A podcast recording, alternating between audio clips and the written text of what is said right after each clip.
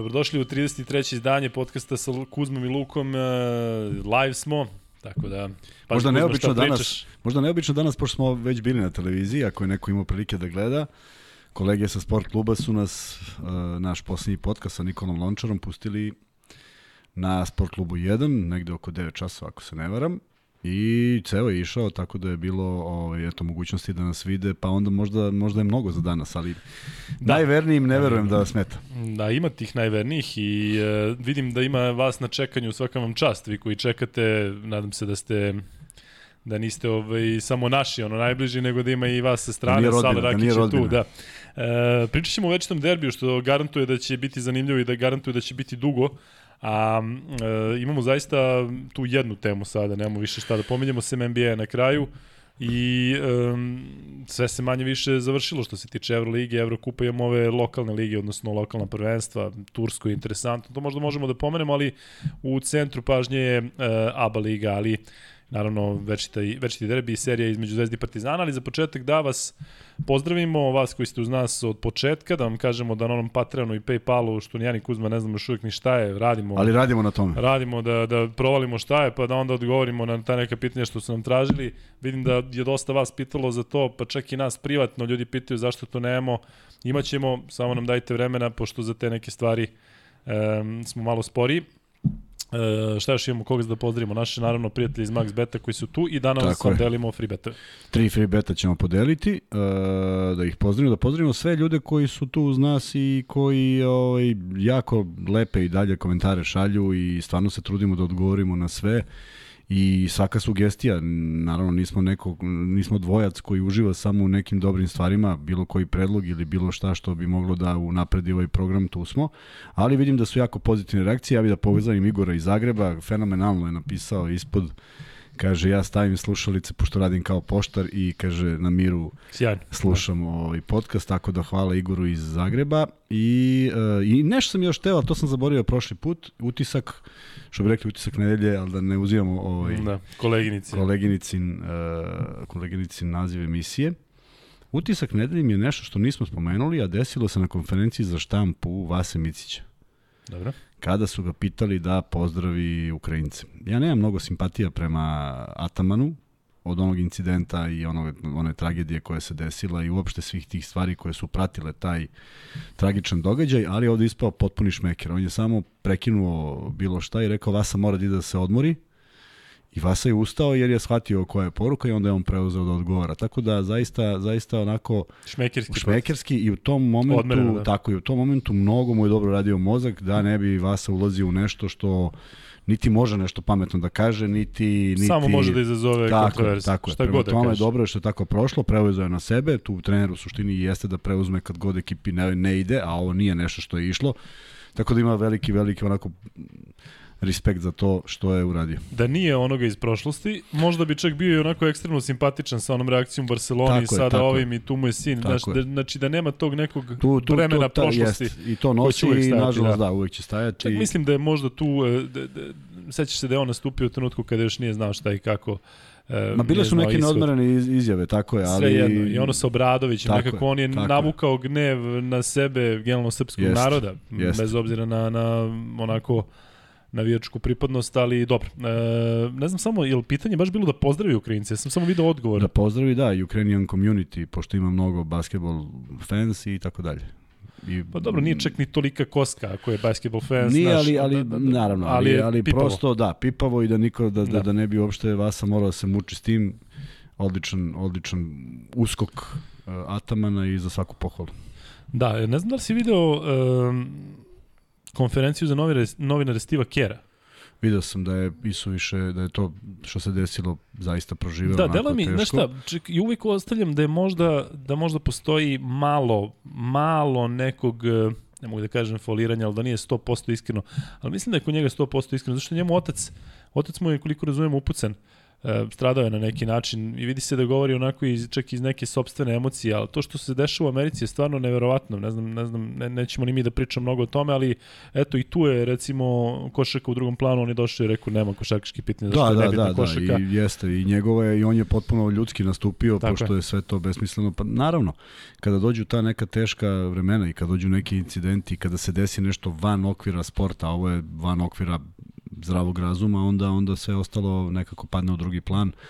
On je to iskoristio, ne iskoristio, on je to jednostavno želeo da uh, još dodatno pokaže da je besmisleno pričati o bilo čemu ko igra, ko nije igrao u jednom momentu koji je pogodio naciju, a to su stvarno neke stvari koje se tamo dešavaju, bojim se malo češće nego bilo gde u svetu. I ne znam koje objašnjenje, ne, nisu ga ni njihovi psiholozi i psihijatri našli, ali nešto nešto ne valja. Da. Ajde da pređemo na ovaj e, redovan pređemo, deo. Da, da, 33, da. To 33, znaš koliko ih ima? Koliko hoćeš. Da, ovaj... Ali Karim, ja bih da krenem. Pazi, ko, prve dve opcije koje mi dao. Karim Abdul-Jabbar, Sharif Abdurrahim. Uh, Karim je nosio izgled kroz celu karijeru, dakle u Bucks ima 5 sezona, u Lakersima, evo koliko ima već tih 10-11 sezona. Um, se sećaš Karim? Kako ne? U smislu, u smislu da, da, u smislu da jesmo, ali tada, to, tada tih godina, šesta, sedma, počinju prenosi Boston, Boston uh, Lakers i daju sve utakmice. U nekom, na nekom kanalu, neko je to skinuo od nekud, ali u svakom slučaju gledali smo, da, svi šest utakmica. Tako je počela u stvari ovaj pomama za, za, za NBA prvo smo svi upoznali Magica, Karima, Larija i ostale, tek onda dolazi Jordan, jer on nije mogao da bude u tim momentima na televiziji, da. prosto nisu dolazili do finala. E, pa i sad ovo pitanje, šta misliš o Horogu? Uh, jedan zapostavljen, jedan zapostavljen. Jesi ga ovaj, koristio? Jesam, kako da nisam. Ali si, jesi imao ne, ne, si nikad, ne, nikad takav, nikad takav. To on je to je zaista usavršio. On je to vežbao do besvesti. Da, ali kada si ti, jesi iz koraka probao isto? Uh, trudio sam se da kad sam ja tu negde leđem igrao, što nije baš bilo, ovaj, ne mogu kažem da je bilo loše, ali nisam nisam dobio na snagu. Imao sam dobar uskok u, u, da uskočim u reket i da zavrnem taj neki poluhorog. Nikad sa opruženom rukom, jer to prosto nisam vežbao, ali to da je izbaciš To sam radio često, međutim on je zaista usavršio to da je da izgledalo potpuno i to su bila pitanja u to vreme kako to braniti i zaista kod njega nema nekog naročitog odgovora. Skočiti gore i skinuti tako nešto, nadimak šuta je skyhook, nije ni čudo što, što je tako nazvan, ali ovaj, zaista je to radio fenomenalno. Pokušao je to u nedostatku drugih kvaliteta fenomenalni pokojni Rajko Žižić koji je ipak negde bio ta old school pa je uspevao da pogodi I to su onako sinonimi za dva igrača koji su ovaj, to koristili tokom cele karijere, a pojavio se najatipičniji horog ikada, to je bio, ako sećaš, Mićko Milićević.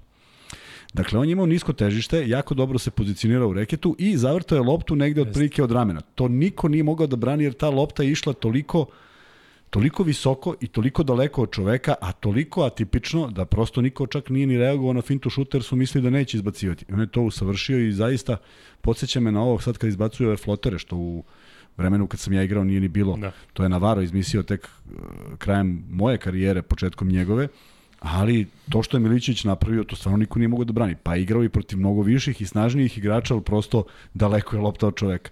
Prema tome ima lepote u tom nekom horogu, a Džabar je to radio i bilo je divno gledati ga zato što je to bio potez koji je, nije bio. Tako je, bukvalno kod njega umetnost. I ne treba to kopirati, ja čak mislim da i ne može svako da iskopira, ne on prosto imao taj talent. E, ne znam da li sam ikada bacio horog levom rukom, mislim da ti kažem. U svim basketima, na svim utakmicama, što bi to uradio? Ne znam da li, znaš, pa da li se namestilo tako da sad izbaciš horog levom rukom? Nisi lud, valjda. Ali sećaš se, e, ako si, aj sigurno si igrao Amerikance, znaš, kao sad mora horog, i onda uvijek ovaj kao, pa nije, nije kao mora pravi horog, znaš, kao mora da Važi, da ide pravi, kao iza glavi, šta je pravi, šta nije pravi. Onda traje ta Tako partija traje, nekoliko sati. Ne uđe u tablu, na tablu. Obično. Um, dobro, da pomenemo još neki igrači koji su nosili broj 33.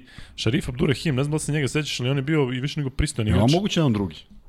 Pa ne, drugi je u ovoj, ovom što imamo ispred pa sebe, ko, ko zna ko je to. Nikolas Dobre. Batum od aktivnih I... igrača, on u stvari trenutno nosi u Clippersima. Daj malo 90. ti znaš Larry da Bird je, Larry Bird pa, je nosio uh, u Bostonu pa, od 80. do 92.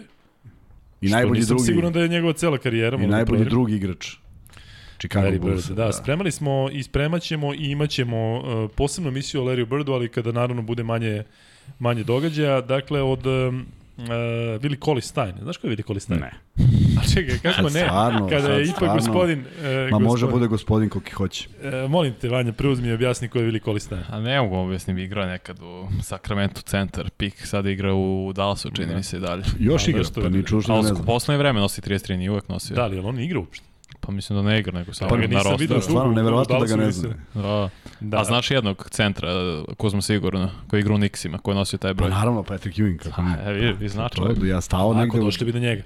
E, Kako došli bi do njega?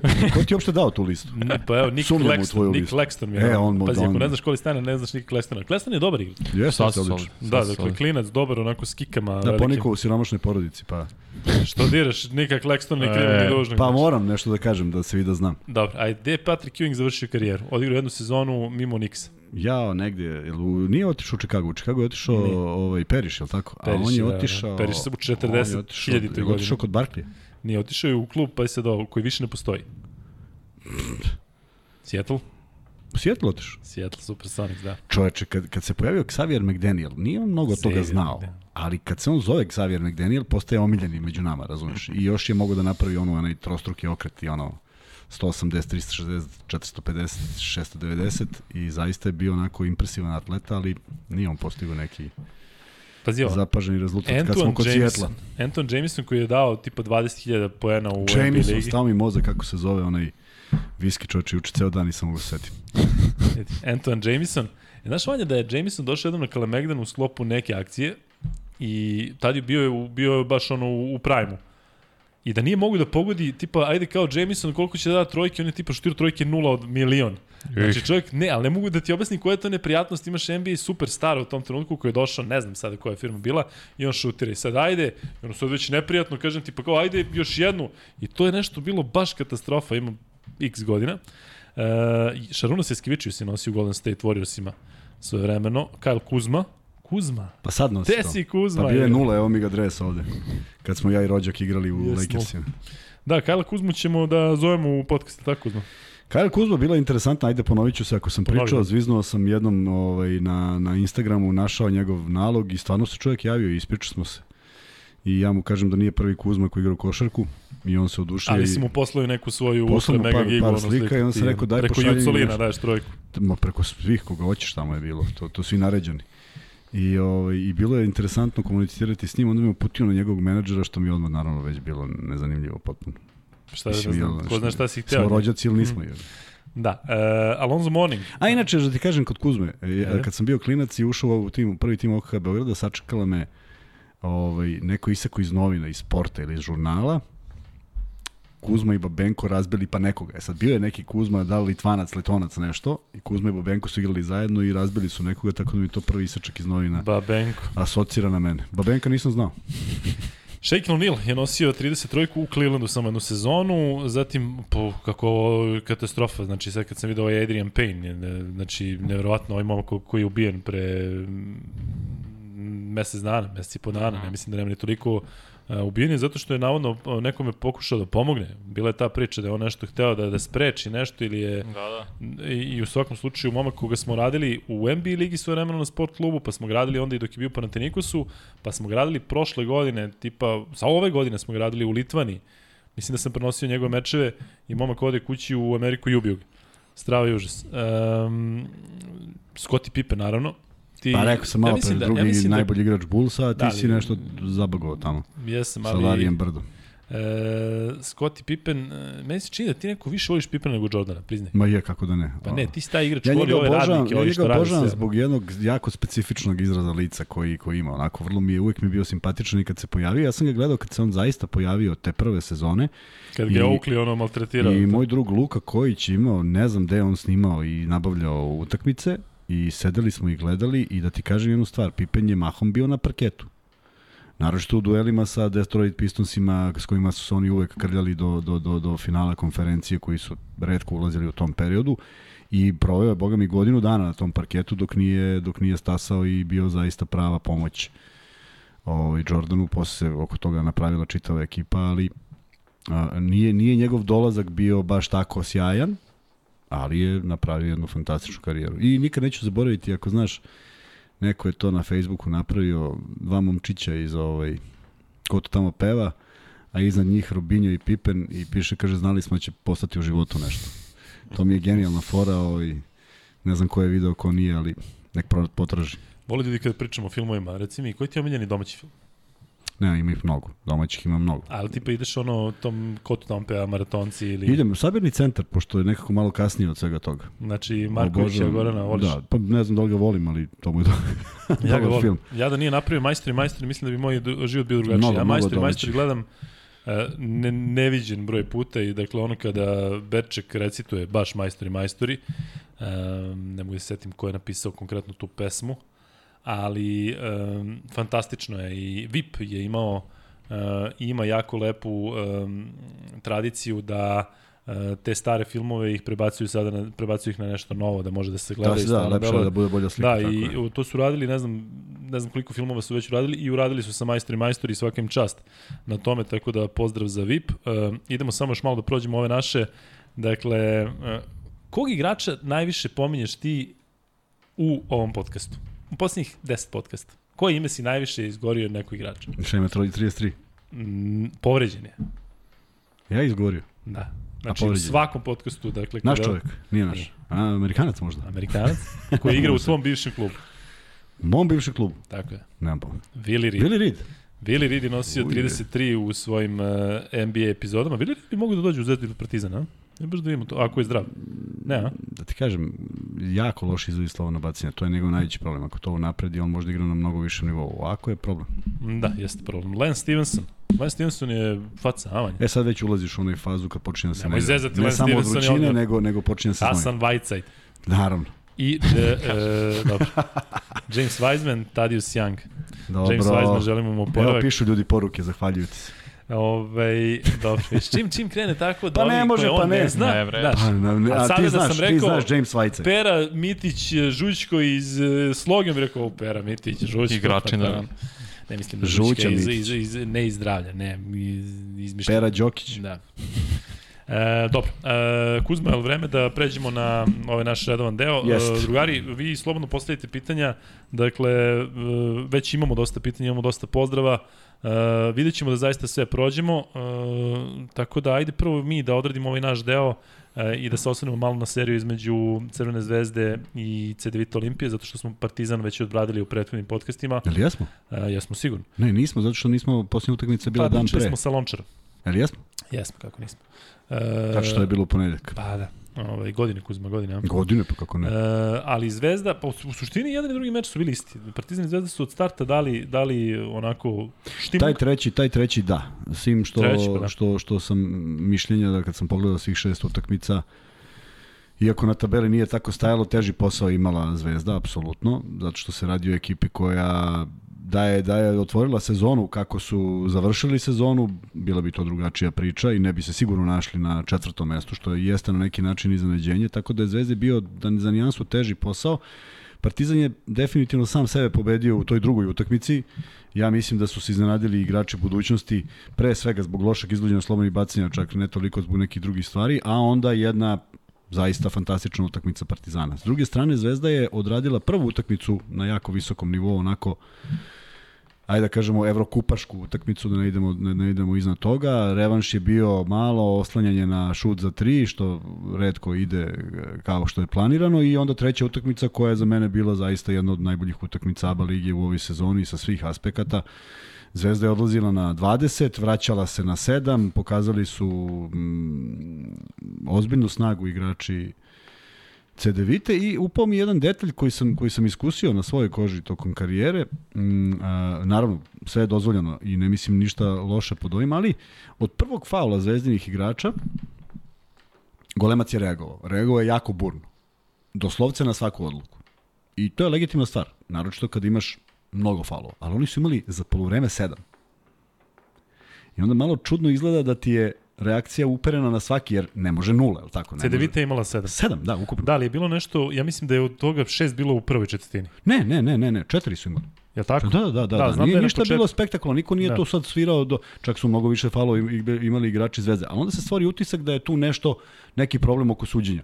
Mislim da su bili prilično korektni što se tiče uh, odluka, da nije bilo ništa uh, na, na vlačenje na bilo čiju stranu, osim onog koškanja Uh, Murića Murić, i da, Kalinić. Murića i Ali Kalinića gde je su mogli obojicu da eliminišu, da, ali mislim tu su možda No, mogli mislim da je napraviti. bilo za isključenje jednog i drugog. Pa da, Zato da, što ako su je već počelo tako, lakat, i mislim da bi je bilo sve u pesnica. redu, tako, i mislim da, Da. bi sve bilo u redu. Ali u svakom slučaju, zaista dobra utakmica u jednoj odličnoj atmosferi, uh, vrlo, kažem, slična po, po, po uh, kvalitetu jer Zvezda nije počela da gubi, kao što Partizan je samo dizao prednost. Dakle, odigrali su vrlo dve sigurne utakmice. Partizan, ajde da spomenemo samo, izbacio je potpuno budućnost iz reketa, jer šutnuti 34 trojke, 19 dvojke znači da si da nisi mogao baš tako lako do koša, a s druge strane Zvezda je ipak igrala sa unutrašnjom spoljnom igrom i opet je Mitrović i Kuzmić opet odneli dobar deo uradili dobar deo posla, dok je zaista Jogi Ferel uh, imao neko nadmetanje sa Lazićem, ne znam da si promatio. Kako pa nisam, kad mu je rekao ideš, idi kući. idi kući, ovim odgovara ne možeš da me čuvaš. Oni su tu uzeli neki lični rat i kad Amerikanaca kad uzmu taj neki lični rat, to ne valja, ne može ekipa da dobije. Ja mislim da je Jogi- Ferrell igrao samo da bi da bi pokazao svoju superiornost. E, Divno je to bilo držati tim, ali prosto nema različnih igrača. Jako Blažića nismo gledali u njegovom najboljem izdanju. Murić je bio taj koji je drugi i to je ona sad priča koja ide da li, da li dva igrača mogu da nadomeste ostatak ekipe. Dobro, izvini, ali Ferrell je jako dobro počeo. On je Jako dobro pobacio počeo, celu utakmicu, da, da, celu utakmicu je on igrao, da. Ali, kažem ti, prelazi u nadmetanje njih dvojice. Sad oni valjda njih dvojica, pošto Pulen je nešto prozvao Lazića svoje vremeno, pa sad njih dvojica hoće da pokažu da a u stvari u tom trenutku je 10 razlike i stvarno idu kući. I potpuno je besmisleno, ali to je nešto što što vuče američke igrače. Tak, tako su koncipirani, vole da se nadmeću u svakom smislu Da, koliko ali je zna to... neki da izazove dobru reakciju. U smislu, ako ti sad baš kreneš sa njim i on ti ubaci 10 poena u četiri E, to je, napada. to je, raz, da, to je Znaš. razlika, to je razlika. Moraš opet da vodiš računa o svom timu. Mora neko da da koš. Sve to što je radio Da. da. Ferel bilo prilično korektno, ali Zvezda je mogla da žrtvuje to i da Jogi Ferel daje i da oni igraju svoju igru. Ali treba odbraniti, treba sada ti sedam napada si otišao u da, napad. privatizuje malo sve. i Sedam onda napada da. si otišao u napad i nisi primio loptu, a ovaj dao svih svojih 14 poena, ali prosto se u jednom momentu pitaš šta radimo ovde. Tako da, Da. tu uloge na tako jakoj spoljnoj liniji po, imenče, po imence individualno nije, nije podeljen posao.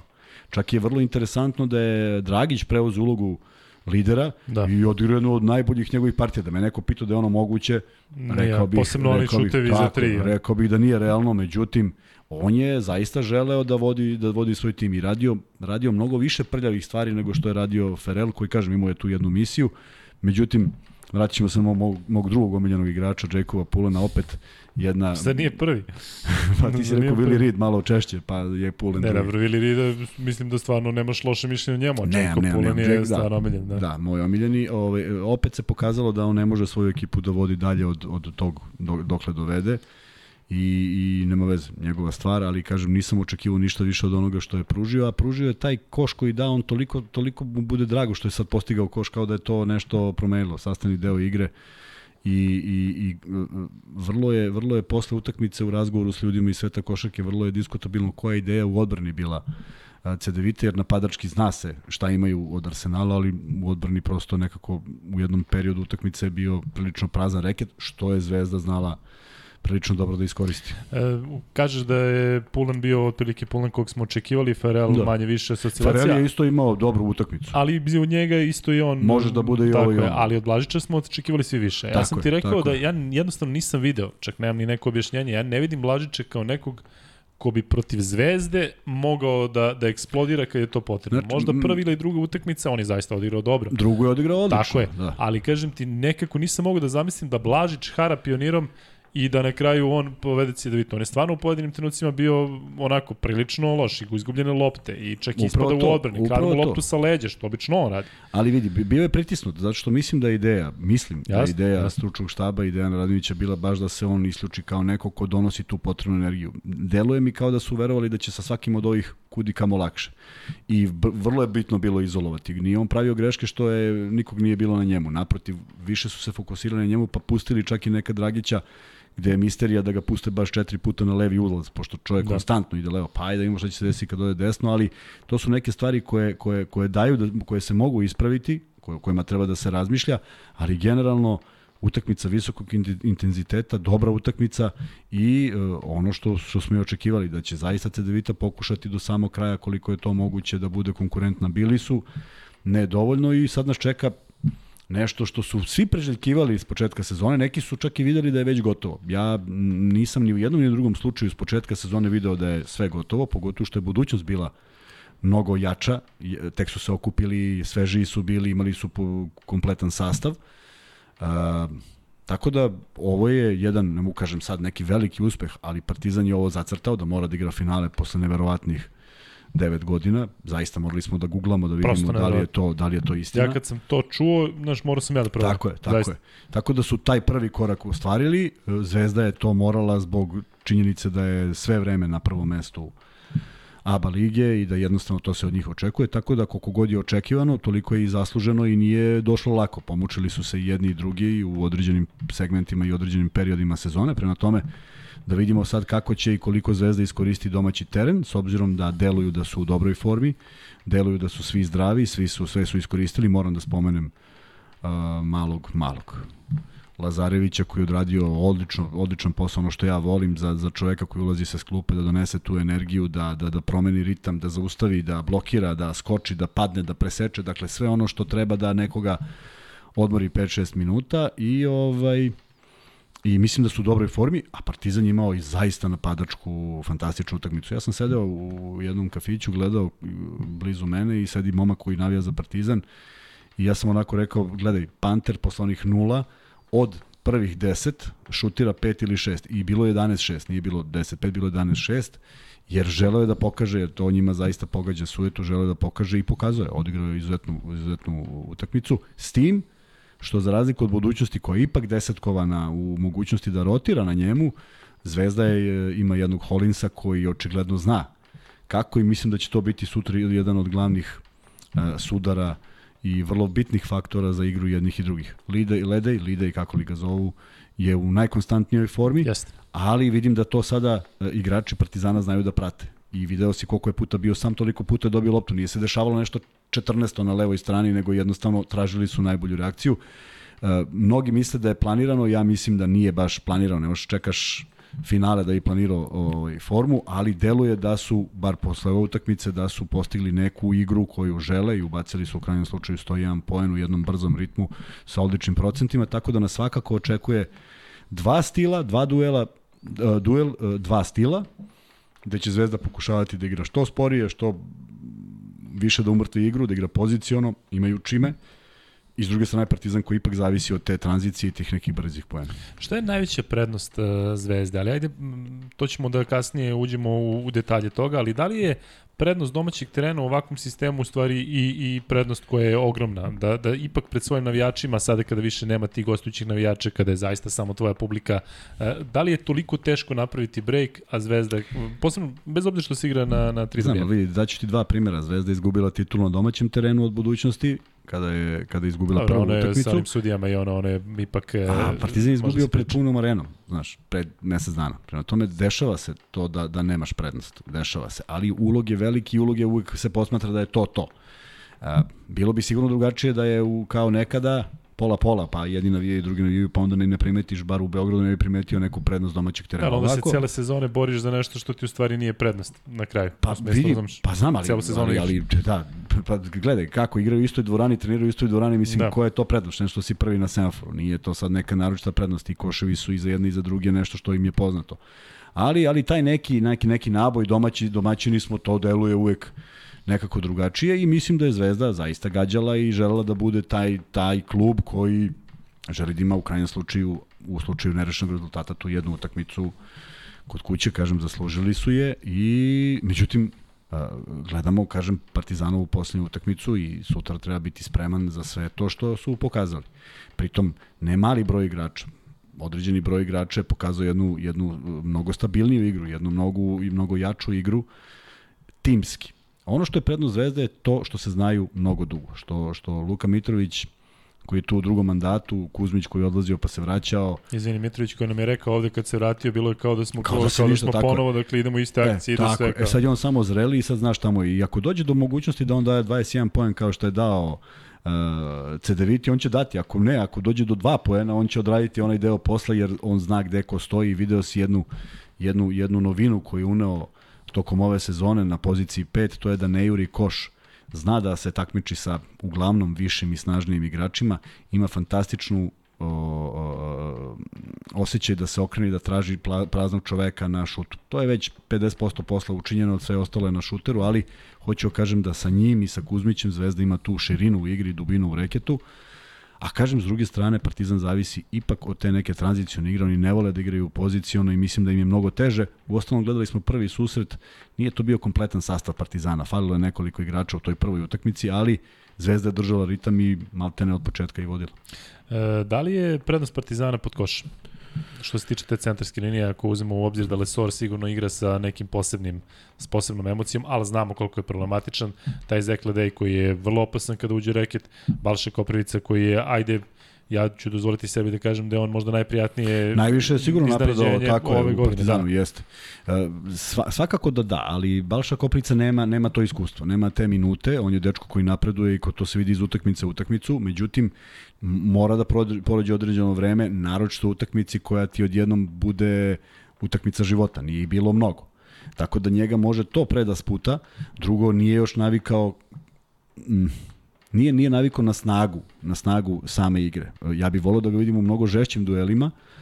Nismo to videli, dok s druge strane Lesor to je njegov, njegova hrana, on, on iz toga izlači, izlači maksimum. Tako da jeste, imaju više tih snažnih igrača, ali dešavalo se da Zvezda igra sa Davidovcem na petici, pa, Da.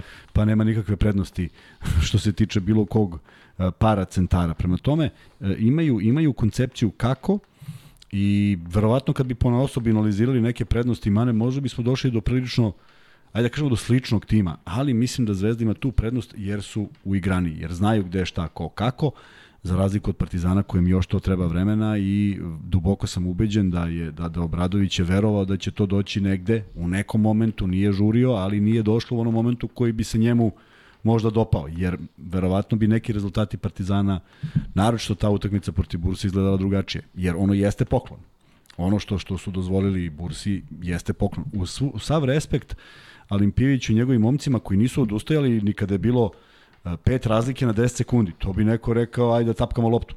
Ali nisu ni tu odustali, zaslužili su, jeste da je bilo poklonjeno i tu sada moramo da tražimo, da, da, da razumemo da taj pritisak te utakmice sigurno još postoji. Nije se desio pre dve godine, nego pre mesec dana.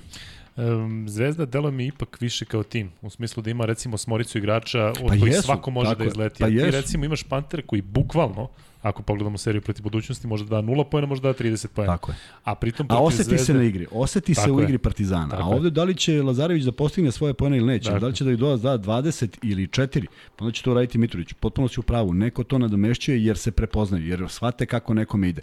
Ti, ti motiv Ledeja i motiv Pantera moraju da budu pojeni i oni ulaze u nervozu ako nisu. Znaš šta, Ledej mi se čini da ipak uh, smislenija igra. Ne, ne, igramo, da slažem više, se. ali kažem ti, mislim da Ledej uh, može da dva, pojena i da bude drugi Ali nismo, najbolji igrač. e, ali nismo ga gledali u takvoj ulozi, to je problem. Da, Što ali ćeš- mislim da može. Za Pantera, Slažem Pantera ne vidim da može da ima ali 3 to je- pojena i 9 asistencija. Slažem to se, to je, to je mentalni sklop. Dakle, Da.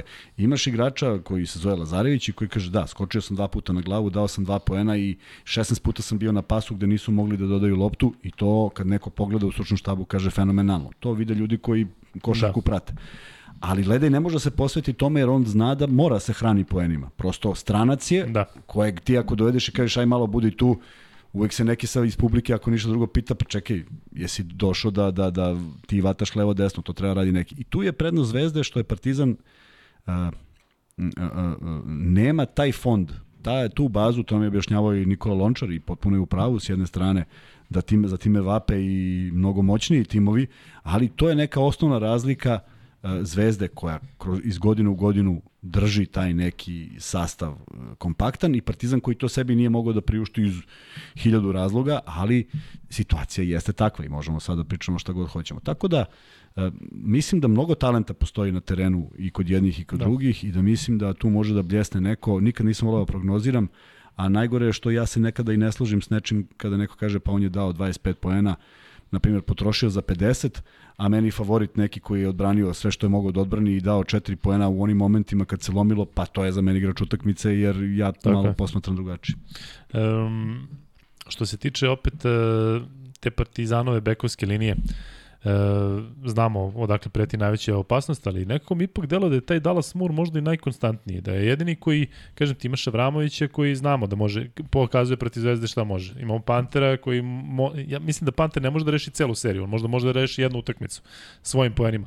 Ali neko mi je Dallas Moore tu, neko koji, kažem ti, onako najmirniji igra uh, ajde da kažem, najviše ono što Željko Bradović traži njega. Ne znam da li ovde je, on je jedne sezone ovde ispao da je tipa ušao u neku seriju grešaka, da je nešto teže u nekoj atraktivnosti, dok imaš labilnije igrače na toj bekovskoj poziciji. Međutim, ako Lazić uh, igra odbranu kao što će igrati odbranu, Garanti, ako Pante recimo upadne u nervozu, mislim da je to ključna, ključna prednost. Tako je, oni će ga, i, i to će ga nervirati. Zato, da. zato je, kažem, on je prilično nervozno ušao u tu drugu, treću utakmicu želeći, želeći svima da pokaže. Od duše bila su dva faula na prva dva šuta, sve mu se lepo otvorilo i otvorio je ono što, na što nas je navikao, pogađao je zaista neverovatne šuteve ove sezone.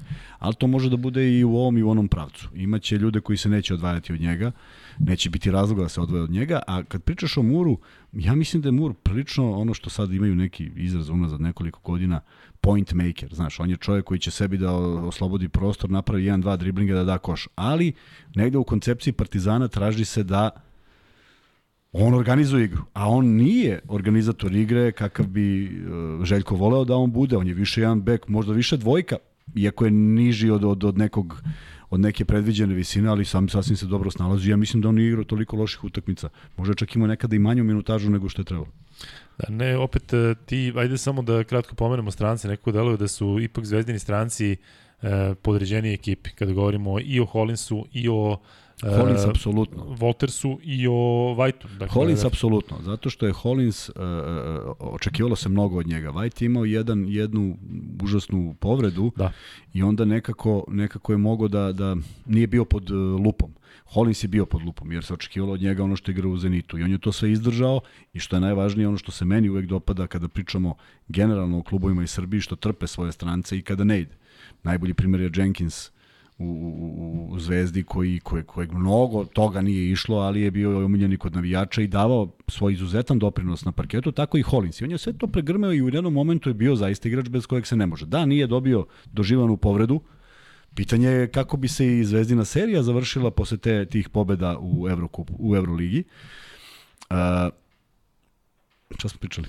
O strancima jednog i drugog, koliko zvezdini stranci su, ajde da, da kažem, podređeni ekipi, što je nevjerojatno. Imaš tri Amerikance koji stvarno ne ispadaju. Jest. Uopšte da, ne ispadaju ali, ali sad ovaj već bio Walters povratnik, osjeća se dobro, zna ljude, zna atmosferu, nisam čuo nikakve negativne komentare oko njega, čak iz koloara košarkaških, prosto ja mislim da on zadovoljava za ono što je došao. Mislim da odgovara ritmom igre Radonjiću koji ne želi brzanje. Mislim da kad god Volters napravi nešto što je kratko ili 10 sekundi da se Radonjić uvati za glavu jer ne želi to od njega. A White, White je imao tu nenormalnu želju da se što pre vrati na parket sa sve tom teškom povredom. Kad se vratio, to nije bilo ni približno to. Dakle, bilo je ozbiljnih problema da on uđe u ritam, pa su morali ponovo da ga uvlače da polako uđe i u jednom momentu je zaista bio neko, pa i ovu utakmicu je odradio onako e, e, sa klupe ući, bam, bam, bam, odraditi ne samo ofanzivni, nego i defanzivni, pokupiti sve te Tako lopte. Je. Apsolutno, apsolutno momci koji su podređeni. I zaboravljam jednog čoveka, a njegovo iskustvo može da bude presudno, ne znam da li će, ne znam, ne znam ništa vezano za taktiku. Imamo Stefana Markovića koji nije igrao koji, koji svojim iskustvom, kad je potrebno, može da bude jedan bitan, bitna karika. Bez Ali znaš možda da li je taktički ili možda postoji neka povreda? Ne, on je, on je ne znam, jadnik večito povređen, stalno malo, malo pa Mislim nešto da nije, vuče. ne bi bio. Pa vidi, tu su Cirbes, tu su Cirbes i Simonović, ako je, da je povređen da ne može da, da igra, verujem da bi makar bi Simonović da. bio tu, pa ako ništa pojača skok kada neko napravi malo više faulova, tako da i, i njega negde vidim u rotaciji za, ne mora da bude velika minutaža, ali za nešto konkretnije, jer je naviko da igra te utakmice bez nervoze. S druge strane, pogledajmo godine Avramovića i Želju Avramovića, njemu je sad partizan, kako bih rekao, ostvarenje nekih snova. A, gledamo Madara koji ima malo godina, malo iskustva na tom nivou. On još uvek možda košarku doživlja kao neko zabavljanje i kada posmatraš NBA i pritisak iz NBA-a, jeste, samo se u tim finalnim utakmicama koje sada gledamo, polufinalnim, to oseti, ali u regularnom delu ne možeš napraviš grešku, faktički oni ako nekoga žele da izbace, oni ga izbacuju sa svim greškama koje on pravi. Prema tome, to će biti neki pritisak, a, ono što je olakšavajuće za sve, što uvek postoji popravni, bar u nekom u nekih par utakmica, kako i to bude prolazilo, postajeće sve veća nervoza i ono što ja želim da gledamo dobru košarku i da ne gledamo ništa van terena. Nikakve... Biće ga sigurno. Pa, ja želim. Naravno da će biti posebno bude 2-2 ili tako nešto, dakle biće baš kasa, ali nekako smo navikli na to podrazumeva se. Um, moram da pohval, pohvalim Vajta, zato što sam si rekao kako je tešku povredu uh, prošao, pa sam onda sećaš onog perioda kada je bio na udaru zbog nekih komentara njegove supruge, ono sa... Taj momak je protiv Cedevita Olimpije, meni kažem ti se nekada tako dopadnu ti detalji, on je stvarno odradio dobre stvari. Pritom, uh, ne znam koliko se sećaš, ali šutno je trojku iz levo kornera i pogodio Ćošek table. Da, sećam, da. I sledeći, sledeći napad, napad iz desnog kornera šutno. I kažem ti, ja to baš cenim kada se ti na taj način kažem ti oporaviš, zato da. što imaš igrače koji tek onda su, znaš ti kakva je reakcija u pioniru je. sa tribina. Tako je. Dakle, nema, nema mnogo strpljenja. Tako, tako je, već je bio huk. I čim je primio loptu, već je bilo u fazonu, ja, i kažem ti, pogodi sledeći napad. Tako da kažem to ti, je jedno samopouzdanje, on to ima kod sebe. I, i, i, i ja mislim da koliko god negirali ili, ili, ili prihvatali, ja mislim da on i dalje ima tu neku blokadu ulaska pod koš, jer nekad Sigur. vidiš da izbaci loptu malo, malo brže, ne sa punim odrazom, što je potpuno normalno. Da, pa ja se ne da, da smo imali u neka u toj meri atraktivno zakucavanje Vajta koji se ranije isticao po tome. Da on pa, sad naravno, poleti pa da pa eksplodira. Pa naravno, kaže ti polaganje, da će toga biti. Tako, tako je, polaganje sa zavrtanjem lopte, da. nema tu sigurnost. Možda, mi ne znamo ni kako izgleda, on je često na parketu posle tih nekih duela. Mi ne znamo kako izgleda njegov tako je. doskok na ruke, da li to boli. Ne verujem da bi prijavio, pošto on želi da igra.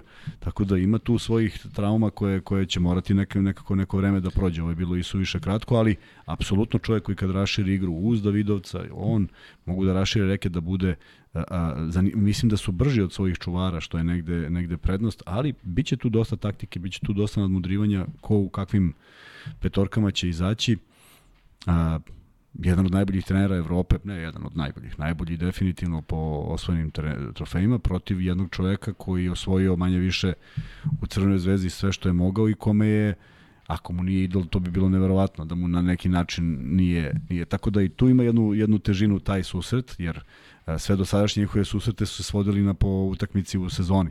Ovo je sada jedna serija gde za Željka Obradovića veliki ulog u smislu one želje koje imao da dovede Partizan do prvog mesta, s druge strane Dejan Radović koji u istoj toj seriji želi da pokaže da je dorastao takvim izazovima i da svoju ekipu može da provuče kroz celu sezonu do, na prvom mestu. Da, to su u stvari moja dva poslednja pitanja, već si ušao odgovorom uh, u jedno, ali uh, samo da kažemo, dakle imamo još dva pitanja za Kuzmu i pričat ćemo još malo o uh, Zvezdi Partizanu, a onda ćemo da, da čitamo vaše pitanja, vidim da ih već sada ima dosta, tako da nema veze, samo gruvajte još, pa ćemo da, da vidimo da prođemo sve i nemojte se ljutiti ako nešto propustimo ili ako nešto možda ispada iz onoga što trenutno pričamo i e, u tom periodu ćemo da gled, delimo i free betove, max beta.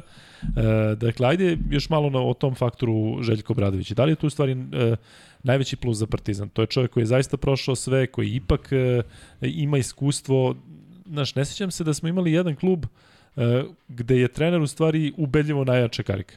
Da smo, da smo kažem ti, čak i, što se tiče reprezentacije i svega, ipak Teo Bradović je igrao finala na svim mogućim nivoima, dobijao final na svim mogućim nivoima, dakle, verovatno ima, vidi nešto što, što drugi treneri ne bi videli, uh, tako da, koliko ta njegova trenerska genijalnost u ovoj situaciji možda dođe do izražaja. Da li recimo on, ono što si pričao za Mutu Nikolića pa si pomenuo da je jedno Marinkovića, da li sad on može da recimo izvuče nekog igrača na kog uopšte nismo računali da to bude neki neviđen faktor iznenađenja? Vidi, odgovorit ću kroz nešto što, što, što sam iskusio. Dakle, mi smo, mi smo isto imali lutanja, nema, nema koji igrač nije lutao u nekom svom u nekom momentu svoje karijere kada su zahtevi trenera uh, Pa evo, samo pita i imaćemo, hvala Bogu, goste koji su radili u Beobanci, koliko je trebalo nekome da se uklopi to što je Darko Russo želao. Ali kad se uklopiš tog momenta, ti više iz toga ne ispadaš. I možda je trajalo tri, možda četiri meseca, ali od jednog momenta sve to prestane i sve to legne.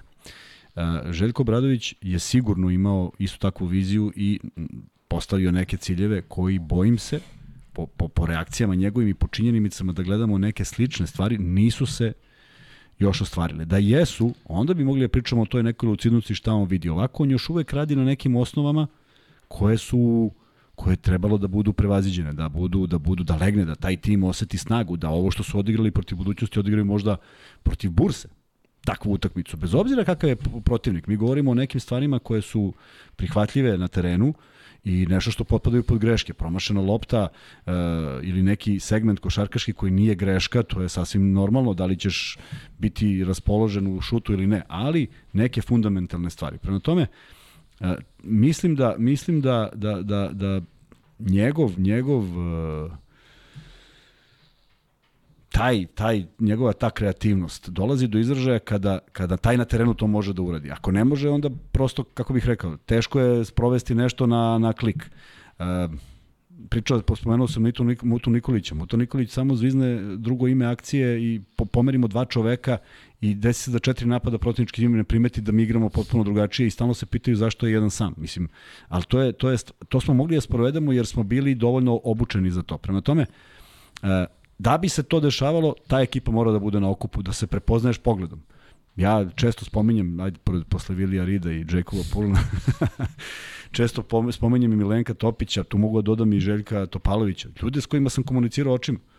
Pa mi smo 2 do 4 do 6 pojena davali na aut, gde se mi pogledamo i ne igramo aut. Prozovemo ga, ali ga ne igramo. Samo napravimo neku basketašku fintu i damo koš i vratimo se u odbranu. Dakle, to nedostaje u savremenoj košaci. To mi deluje da, da, da taj segment nedostaje. Nekako, nekako kao da svi igraju i brzo i snažno, sve je to u redu, ali kao da nekad ne pročitaš odbranu.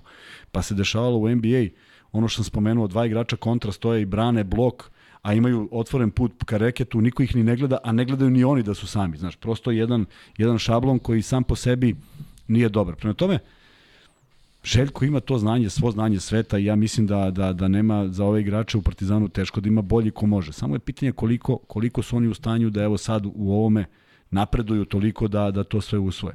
S druge strane, Dejan Radonjić je dugo sa ovim pojedinim momcima i oni već znaju sve i znaju na pogled ili na mig ili na nešto, znaju situaciju i znaju da prepoznaju jedni drugi. Nije to lako napraviti i to ne može možda čak i ni za sezonu. Drugo vidi koliko je promenjen sastav.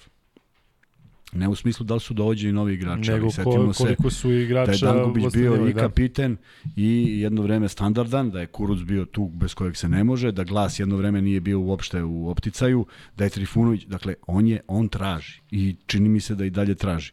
A, mislim da se neće menjati sastav u odnosu na utakmicu protiv budućnosti, tako da to, to ko je, ko je odigrao tu utakmicu i tu seriju, ukoliko ne dođe neke povrede, a ne bih voleo iz prostog razloga što treba da budu i jedni i drugi kompletni da bi to bio pravi ugođaj. Vidjet ćemo. Mislim, čeka nas već koliko sutra ta prva utakmica, da. pa A znaš kako, nekako kada pogledaš karijeru Željka Bradovića, uvek je bio u timovima gde postoji jedan uh, veliki rival. Dakle, krenuo iz Partizana, gde se naravno igralo protiv Crvene zvezde tamo krajem 80-ih i početkom 90-ih i kao igrač kao trener. Samo u Juventudu pa onda, nije bio, samo u Juventudu je bio, da. Ali zamisli taj izazov da odeš u Juventud i osvojiš. Tako je. Pa to je prosto, kako bih rekao, neverovatno. Da, ali kada pomisliš da on, recimo, Panathinaikos Olimpijakos, to je da, jednako da, da, veliki da, da. derbi za Grčku i za Atinu, kao što je za Srbiju Absolut. i za Beograd. Pa onda Fenerbahče koji je ipak u Efesu imao, znaš da su se oni krljali i da ti realno u Turskoj nemaš taj neki treći klub koji možda napravi iznenađenje. Desilo se da Karšijaka bude prvak, ali ajde da kažemo baš protiv Obradovića, ali se to desi jednom u ne znam koliko.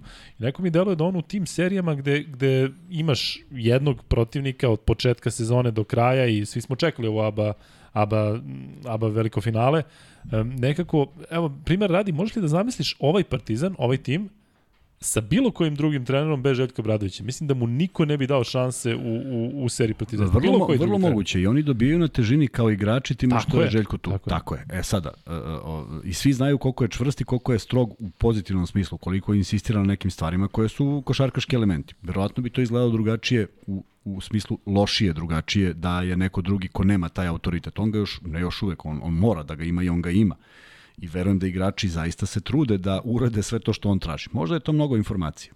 Mi ne znamo, ja ne mogu sad da pričam sa ovog aspekta, ali potpuno si u pravu da bi to izgledalo drugačije, a s druge strane, ne mislim da je slučajno napravljen tim ovako. Mislim da su probrali igrače koje smatraju da mogu i intelektualno i svakako, ali prosto, prosto mora neko vreme da prođe, moraju da kliknu i sa igrači jedni s drugima. I tu je sad još veći problem što Partizan je još i kudi kamo imao uh, mogućnost za trenera. Mada je i Evrokup bio preglomazan. Možda je nedostajalo tih 25 treninga više za, za, za još bolju komunikaciju. Prema tome, ogromna je razlika između uspeha Željka Obradovića i svega što su ovi igrači zajedno napravili. Jer tu je Ledej, Lidej, koji je u Armaniju bio, tu je Panter koji je bio u Armaniju. Ali kad pogledaš recimo neke uspehe u smislu na većem nivou, neke titule ili bilo šta, nema tu mnogo Nema šta titula. da se A sad uspe. zamisli kad imaš Balšu Koprivicu koji nema jednu sezonu u nogama kao i Smajlagić, za kojeg smatram da je izuzetno talentovan, ali on nema to iskustvo. A sad treba dođe trener koji mu kaže, znaš ono, a on ne zna. Ne zna jer ga nikad nije prošao. Sve to individualno, sve to u Golden State-u, sve je to lepo i... i je li Golden State-u? Jeste, jeste. Sve je to lepo, ali, ali to je neko iskustvo koje gradiš e, ni budućnost kad se sklopila nismo igrali savršeno od početka, ni taj BFC nije bio strah i trepet za nekoga dok se neke stvari nisu složile. Prema tome, za sve to treba vreme. Jel malo jedna sezona da se složi kockice za jedan nov tim sa novim nije, trenerom? nije malo ako imaš vremena da treniraš. A oni ga nemaju. Da. Oni putuju uglavnom. Zvezdini igrači putuju uglavnom. I to je sve ad hoc. Ajde sad ovo. Zato je dobro da se poznaju. Zato ne mora Radonjić da ispravlja neku stvar, nego kaže e, šta smo uradili, pa oni svi shvate šta su uradili, pa je to promenjeno zato što im je poznato. Ovim igračima očigledno ti neki zahtevi koji su bili, kažem ja iz ličnog iskustva kad sam došao kod Darka Rusa, meni je izazov bio, prešao sam u Beobanku ne zašto sam baš mnogo želeo, da se razumemo, nego je Zvezda me otpustila. Tadašnja uprava je rešila da se oslobodi nas petorice Ne znam zbog čega, nije mi jasno, osvojili smo titulu i od tada Zvezda nije osvojila titulu. I stigla je ponuda, pošto je prelazni rok trajao 3 da, 5 dana, stigla je ponuda, ponuda trećeg dana da Darko Rusu hoće mene u, u, u Beobanci. I na sve priče koje sam slušao nisam baš bio pretredno raspoložen. A onda mi je sinula ideja, ajde da vidimo šta to Darko traži, a da ja ne mogu da uradim. To je stvarno meni bio izazov. I ja sam se preporodio kad sam došao tamo. Jeste to sve što ljudi govore šablom, Niste pa ne smeš... znali ranije. Ne, ne, ne. Mislim, mislim znali smo se kroz utakmice Da, da, da, na zdravo ali niste zdravo. Da, sarađivali. nismo sarađivali. Ja mislim da je, ja, ja sam uživao. Ja bih želeo da verujem da i on uživao, zato što sam ja apsolutno osetio da imam potpunu slobodu u napadu da radim šta hoću. U odbrani ne mogu da radim šta hoću, jer odbranu moramo da radimo zajedno. I mi smo igrali izuzetno, izuzetno dobro odbranu. Mi smo igrali 5 na 5 na, na treningu, pa ko da koš pobednik. Ali doslovce, ne možeš daš koš. Ne možeš kad svi sve znaju, kad svi sve prepoznaju. Tako da to je bio jako težak rad. Imali smo jednu utakmicu nedeljno plus neki Evrokup ili već nešto gde smo malo ono, jednom nedeljno Mislim, bez nekih naročitih obaveza. Bilo je, za mene je bilo veliki povratak ovaj, u košarku, jer mi je u Zvezdi drugi deo sezone bio jako turbulentan, ne meni, nego svima nama. Gledao sam statistike i svih ostalih igrača, to se sve istumbalo, to se više nije znalo ko igra, ko ne igra, a imali smo strahovit, strahovit početak i 20 pobeda u nizu, koji je oborio tek Dejan Radonjić kada je došao. Dakle, nikad nije Zvezda posle toga imala 20 pobeda u nizu. Mi smo, mi, i sad neko kaže, pa pobedili ste zastavu u kupu. Pa jesmo, ali smo pobedili Makabi u Londonu. Mislim, nije to baš neki ko igra u Euroligu te godine. Prema tome, a, vraćam se na šta beš. Željko, pa krenuli smo sa Željkom Obradovićem, smo, da, otišli smo 5 na 5 krenuli smo, da, krenuli smo, krenuli smo, da, koliko su ti zahtevi bili teški Da. da. i koliko sam ih savladao u jednom momentu. I onda sam bio svoj na svome. I onda sam ja završio tu sezonu možda i kao najbolji, jedan od najboljih strelaca, jedan od najboljih asistenata. Odbranu sam obožavao da igram kod njega si prosto da bi bio na terenu Tako je, morao, morao, morao da igraš. Tako da ti zahtevi kad, kad ih ti prihvatiš, pa to, to, to nije nikakav problem. Pa ja odlazim posle toga u budućnost i igram to u malo drugačijem segmentu ja sam se ja sam se bio uh, zaista posvetio tome da da mo, ja sam uvek mogao da postignem poen, ali sam se posvetio tome da ako dobijem specijalan zadatak taj se neće naigrati. I to mi je bila neka satisfakcija i moja minutaža na terenu. Prema tome hoću da kažem da mnogo toga zavisi od trenera, a mnogo toga zavisi koliko igrač obučen da primi.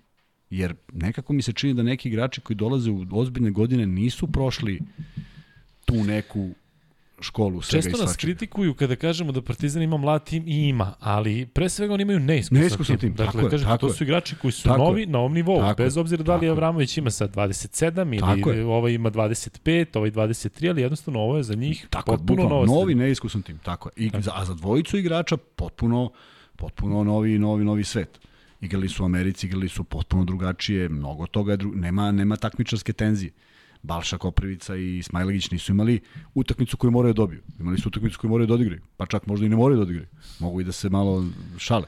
A, Glas se da pojavio. Balše, Balše, taj tata Slaviša je bitan faktor, on preko njega zna za taj, nije on sad pa s Marsa u smislu da došao iz Amerike i sad naš uf, E, šta jeste, se ovde jeste, dešava, ali- ali- ali on ako je nekoga živeo. ima ko će mu reći Zvezda, Partizan i taj odnos, Sve on njega znaš. to, sve, te, sve on to teoretski zna. A sad treba da, Da, ga, treba da ga da- znaš. da treba. Sad ti treba jedan huk sa tribina koji koji o, ja, ja kad odem na utakmicu zaista uživam u tom nečemu jer se prisetim svega u čemu sam učestvovao, bakar na ovom našem nivou koji je uvek bio za mene jako dobro. Je drugačije navijanje onda Ne, i tad? ne, u smislu ne, tog ne, kuka ma, i svega. Deo, ma, e, ja sam slušao, ja sam slušao šta se viče igračima CDVita i zamišljao kako su mene do, dočekivali kad sam igrao za budućnost. Mora da Ali bilo... Pionir je nekad bio puniji, zato što je moglo da se nekako su ranije Bilo je, se puštali i po onda bilo je. se onaj... e, Budućnost Partizan, te, ta 2000-ta, 2001 to je, ne, e, 99 2000 to je 10.000 ljudi Pa ja mislim da je bilo 10.000. Što I- ne, nije, znaš, No, neverovatno prosto, znaš, zaista. Ali, ali ambijent u kojem smo izašli, i danas sam pričao nek, ne znam kome,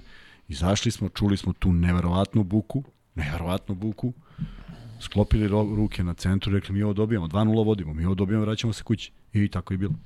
Um, pre nego što ti postavim poslednje pitanje vezano za derbi, pa onda imamo milion pitanja gledalaca, e, da kažem da očekujem, drugar mi je rekao, e, brate, kakav je radi Zagorec, kakve highlights ima, mislim da on ovde e, dobija priliku da celu sezonu koja je za njega bila, kao što si malo rekao, turbulentna, ovde dobiješ priliku da... Moguće, da, može da kažem ti, iskoristi. Ja ne znam da li te povrede koje je imao fizički utiču na njega, ali recimo highlights njegovi od pre 3-4 sezone, dečko je leteo. Dakle, kažem ti, sada bi trebalo da i sa iskustvom on ipak kao kapiten bude taj koji bi trebalo da pogore. Ali gledaj, gledaj sad ovo, sad njemu se dešava možda i nešto najlošije u karijeri NBA pa, pa Burgos. Tako je. Znači, gore dole. Ja uopšte ne ulazim i nikad nisam pričao ni o zaradama, ničim. Znači, nije sve u zaradi, nije sve u... Ima neko zadovoljstvo čime se baviš. Džaba sve pare. Ja, ja znam plejadu mojih savremenika koji ne bi otišli u NBA da sede kao 12 bez obzira što su NBA ako ne igraju. Ja to poštujem. A reci mi Kuzma, kad smo kod toga, kako, kako ide redosled toga? Da li prvo zaradiš lovu, pa si miran, E, pa onda moraš, ili, ili te ne. nekako to vodi pa ovo? Šta je, šta je najispravniji put? Kad Ne. govorimo sada o ovim igračima koji imaju stotine miliona. Kako kod njih u To je, glavi to je funkcioniš? nenormalno, to ne znam kako funkcioniš, ja ne znam, ja mislim da oni nisu normalni. Pa majke mi, od toliko para, od toliko novca gde ti možeš sebi sve da priuštiš, prosto, prosto čovjek izgubi neki... Ali da li onda možeš da uživaš u košarci? Zato što imaš NBA igrače... Opet imaš, opet ćeš imati ekstreme. Neko ko će uživati baš ga briga i neće razmišljati da li ima 100, 200 ili 800 miliona, a imaš nekoga ko samo to gleda da bude i najbolji i najplaćeniji. Znaš, ima te, tih Ali, nekih... te, znaš šta mi je pitanje, kada se obezbediš finansijski, znači sada ne govorimo o stotinama i desetinama miliona, ali kad se obezbediš finansijski, da li ti je to otprilike sada uh, znak, e, više ne moram da razmišljam o tome, rešio sam to, sad ajde da, da, da Ja košarka mogu, se, ja mogu se ti pričam iz iskustva, ja nikad nisam došao do faze da kažem sad sam se obezbedio i baš me briga. Ajde da počnemo samo da vratimo neki prošli vek kad mi počnemo da igramo u amaterizmu. Niko, pa ni ona plejada jugoplastike, cibone i svih onih, da ne govorim u prethodnim dekadama, niko nije sanjao da će živeti od sporta. Pa je do 27. 8. bio zabranjen izlazak iz zemlje. Pa A nisi imao ni nekoga da ti drobi nad glavom. Koji da drobi, pa ti imaš što nije stipendiju. bilo neko, moguće, tako, tako? nije bilo moguće. Ti imaš stipendiju, ako imaš stipendiju, ti si srećan čovek. Neko se zaposli, neko dolazi samo popodne na trening, to je bilo amaterski. 90. donose, do, do, dolazi do kolapsa svega, 93. četvrte se prvi put pojavljaju, 93. na četvrtu, prvi put se pojavljuju neke pare, zato što se pojavljuju neki biznisi koji, koji funkcionišu, isplaćuju se u markama, a marka vredi 400 milijardi miliona dinara. I onda ti sa 100 maraka predstavljaš ozbiljnog baju, a sa 1000 ja ne znam šta, šta, šta je bilo da nisi mogao da uradiš. I tu se pojavljuje taj prvi novac koji ti obezbeđuje život. Znam, samo zašto je situacija užasna. E onda, tek 94. peta, pojavljuje se taj Beočin, pojavljuje se a, Borovica, koja igra finale te godine, da ne govorim više o Partizanu i Zvezdi koji su uvek Sećaš imali... e, Borovice ekipe tada? Ljubislav Ja. Luković je bio sreta, je bio, ja mislim, a? Je bio sreta? Jeste, Sreta isto bio. Boga mi, ozbiljna ekipa, ne mogu se nikoga, ali baš zato što su bili ekipa, znaš, ozbiljna, nisi imao nikoga koji, je- koji je izletao. Da li slađen bio? Nije. Mm, pa da, zar nije bio tad u radničku? Ma nešto A? mi je čudno. Ma bio slađen u Rumi 100%. Je li tako? A da, da, da. Da, da. Elem, uh, tad se pojavljuju prve pare i ti tek onda počinješ da shvatiti. I onda dobijaš prvi novac, uh, mojih prvi 5000 maraka. Pa ja ne mogu ti objasnim kako sam ja sedeo. Ja sam sedeo satima i gledao onih pet novčanica.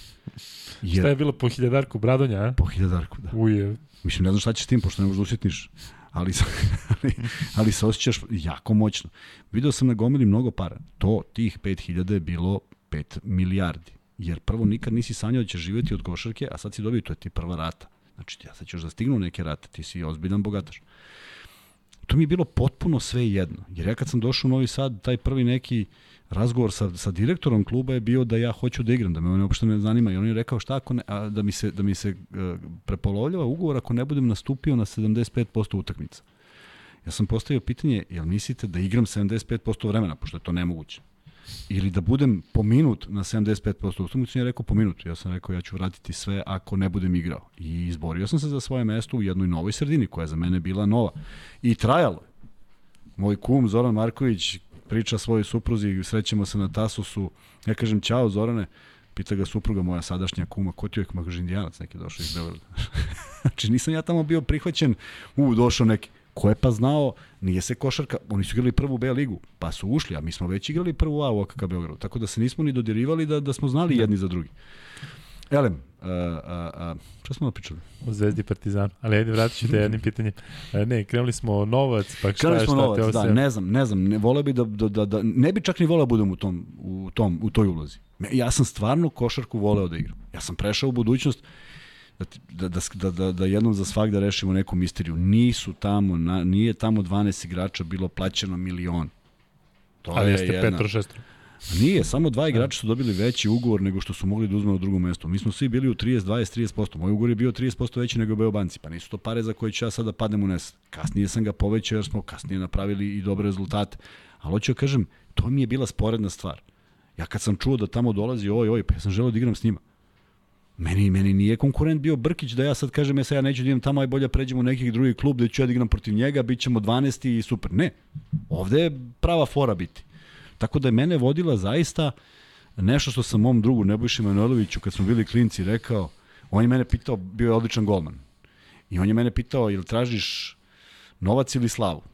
Ja sam tada kao klinac, imali smo 18 godina, rekao, pa ne mogu da, da tražim slavu, počeo sam treniram pre godinu dana, mislim, ne mogu slavu, ali želim da vidim dokle mogu da dođem, pa kad dođem, ako dođe novac, fenomenalno. Ako ne Kao dođe, naš podcast, otprilike. Tako? Tako. Ako ne dođe, onda nisam bio dovoljno dobar. I eto, dovelo je dokle je dovelo. Ja sam preponosan na svoju ovaj, karijeru, s obzirom da sam ja počeo sa 17 godina u savremenom društvu, ja ne bi dobio šansu. Ko bi me primio negde sa 17 godina? Mali broj ljudi, to mora bude neki old school ludak koji bi nešto prepoznao. Inače, nije to bilo baš tako uvreženo mišljenje da svako može da uđe kad hoće i da igra. A ti žao što nisi možda košarkaš u današnjem vremenu? Ne, ne u Ne, smislu ne. stilu košarke, nego, ne, ne, nego čak ni u koliko stilu, je novac. čak ni u stilu, čak ni u novcu. Da ti kažem, uživao sam u nečemu što ne sam bi voleo. menjao, ne bi se Ne bi menjao, ne bi menjao u stilu zato što uh, koliko god sam imao predispozicije, bio sam jako brz, bio sam dovoljno skočan, ja sam, ja sam sve što sam radio da bi nadomestio sve što nisam znao. A mnogo toga nisam prošao kroz mlađe selekcije, morao da nadomestim klikerom. Prosto je, i morao sam mnogo da razmišljam. I drago mi je što su što mi deluje da su mnogi saigrači koji su igrali sa mnom to primetili i, i sećamo se tih dana da su, da su i oni uživali koliko i ja. Prema tome to stvori neku, znaš, e, e, s Milenkom Topićem, kojeg ja toliko pominjem, tri godine Beočina, e, dve godine Zvezde je pet, jedna godina Zvezde je četiri, dve godine budućnosti je šest. I mi odemo posle x godina, 2014. odemo na evropsko prvenstvo i mi funkcionišemo, pogledam ga i mi damo koš. Dakle, Evropsko prvenstvo, samo reci ljudima ko je. veterana za stariju gospodu. 2014. Da.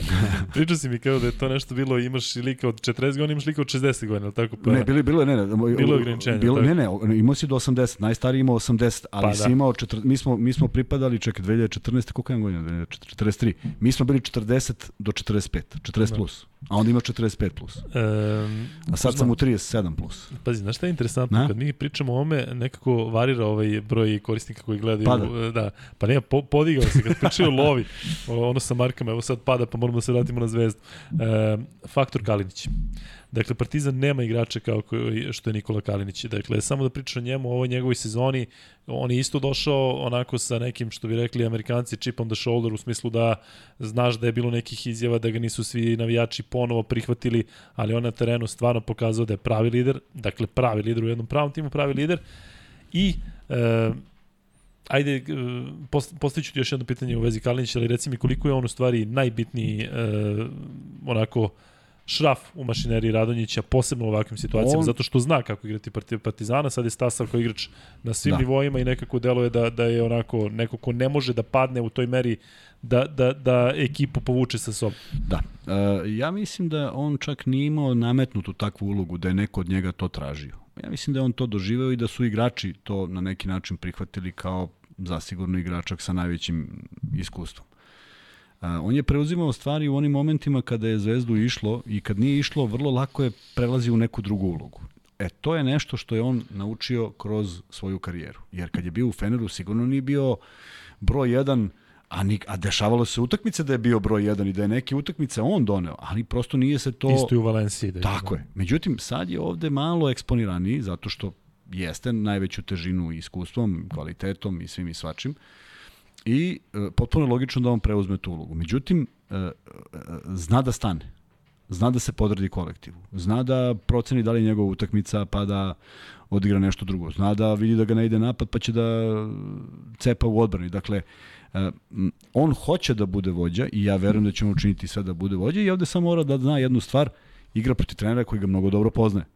E, to sad tu samo treba voditi računa zato što te neke, opet, A da li je to dvosmerno? I ovaj njega poznaje. A, gledaj, a, ovde, ovde, ovde je veći problem možda na, na Obradoviću, pošto šta god da Obradović zna o njemu, to igrač mora da sprovede. Ako ne sprovede, može da zna još četiri puta bolje. A ovaj je dovoljno, dovoljno iskusan da zna kakve su neke rotacije i zamisli e, Željka Obradovića da ih čita. I što ih bolje pročita, a, bit će lakše. Ne, Nikola to, Kalinić, to je to. odnosno ovo što je Svetislav Pešić rekao za njega, ne znam da li si čuo izjavu, da li, sam, da li je to... Uh, da li je to, naravno da jeste podstrek, ali koliki je podstrek? U smislu da li sada Kalinić igra sa još većim željom, ako ti znaš da je tebe neko uh, pozicionirao kao lidera u takvim u takvom, zverima da. košarkaškim. A, to je jedno priznanje za ono što je uradio u toku svoje karijere, pa i ove sezone. Zato što gde god je igrao nije se štedeo, zato što mislim da Pešić priča o tom srcu i tom stavu i ja to potpuno delim zato što ovo što smo malo prepričali, uživao sam i uvek davao 100%. Ja nisam izašao na utakmicu da mi bude ne, nevažno. Koliko god utakmica bila nevažna. Prosto takmičar sam. Kad igramo karte, mi igramo karte. Ako ćemo da igramo, igramo. Ako ne igramo, daj da radimo nešto drugo. Tako, tako i Kalinić je čovek koji ne može da folira. On ne može da igra sa 10%. On, bilo je igrača koji su mogli na fintu da igraju, znaš, neki šmekeri pa znaju potez. On, on nije da. taj taj igrača. On ili daje sebe celog ili, ili bolje da sedi na klupi. Tako da, mislim da je o, Pešić pričao njemu kao toj beskonačnoj energiji, jer izdržati ovu sezonu na jednom prilično visokom nivou, gde možeš na I u prste, novoj ulozi, što i u novoj rekao. ulozi, gde možeš na prste da izbrojiš koliko je on tu utakmica baš omanuo u svim segmentima, to je jako malo. E, Zato je on njega apostrofirao, ne zato što on misli da je bolji, loši i ovakav i onakav, nego zato što je to potrebno reprezentaciji. To prepoznavanje, ja sam otišao tamo da dam sve od sebe za svoju zemlju, za grb i posebno kada nije bio u 12 tako, tako posle... je. I to je i to je sad neki neki ka, da. Pešićev Pešićev poziv da se vrati, a 12 takvih čini jednu reprezentaciju jako. Ne 12 najboljih, ne 12 najlepših, ne 12 top 12, nego tim jedan koji će to da uradi. Jer tamo mora da radiš mnogo prljavog posla da bi utakmica bila dobijena. Šta je možda za Kalinića onako i najveće priznanje, što tu ABA ligu Uh, Zvezda igra kao tim i zaista on, što pričamo, on ne ispada mnogo iz, ni, ni po dobrom ni po lošem, a vodi ekipu. Ali kada pogledaš u ABA ligi, zaista nije bilo konkurenata njemu za MVP-a sezone. Ja ne mogu da, da se setim ko bi mogao recimo da mu bude uh, kao Kalinić ili neko drugo. Pa vidi ovako, ajde, ajde idemo po četiri najbolje ekipe.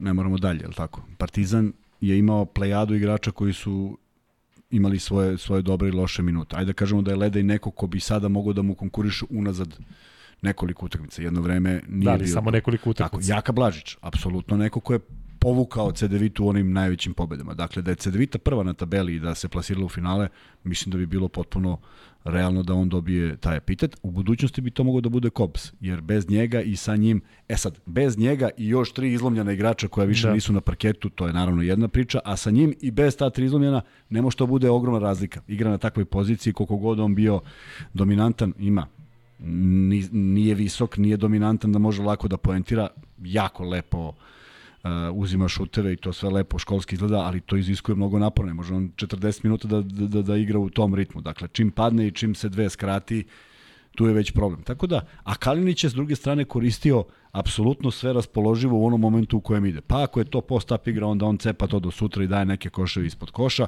Ako mu se otvori šut, uzima. Ono što je vrlo bitno, gledali smo sad Sedevitu, on kad uzima šut, igrači znaju šta se dešava. Nisu u onoj kretnji svi trče levo desno, nego čekaju da vide šta će Kalinić da uradi. To je to pokazuje da igrači znaju šta se dešava na terenu i uh, time je olakšana mnogo odbrana, jer ti već odmah vidiš kakva je form, kako se formira isprečavanje kontranapada. Prema tome Cedevita imala 250 kontranapada kad su izgubili loptu, da, ali ne posle promašenih lopti. I to je zvezdina, to je zvezdina tajna, da kvalitet, da kada se zna ko šta radi, uvek je zatvorena mogućnost kontranapada koja Partizanu uh, daje na neki način život. Mi da je Kalinić sada u fazi svoje karijere kada može apsolutno sve da uradi na terenu, da kada, kada pogledaš da može da, može da odigra i licem, da može da odigra i leđima, da može da pogodi trojku kad treba, on otvara kontre, trči sam u kontru.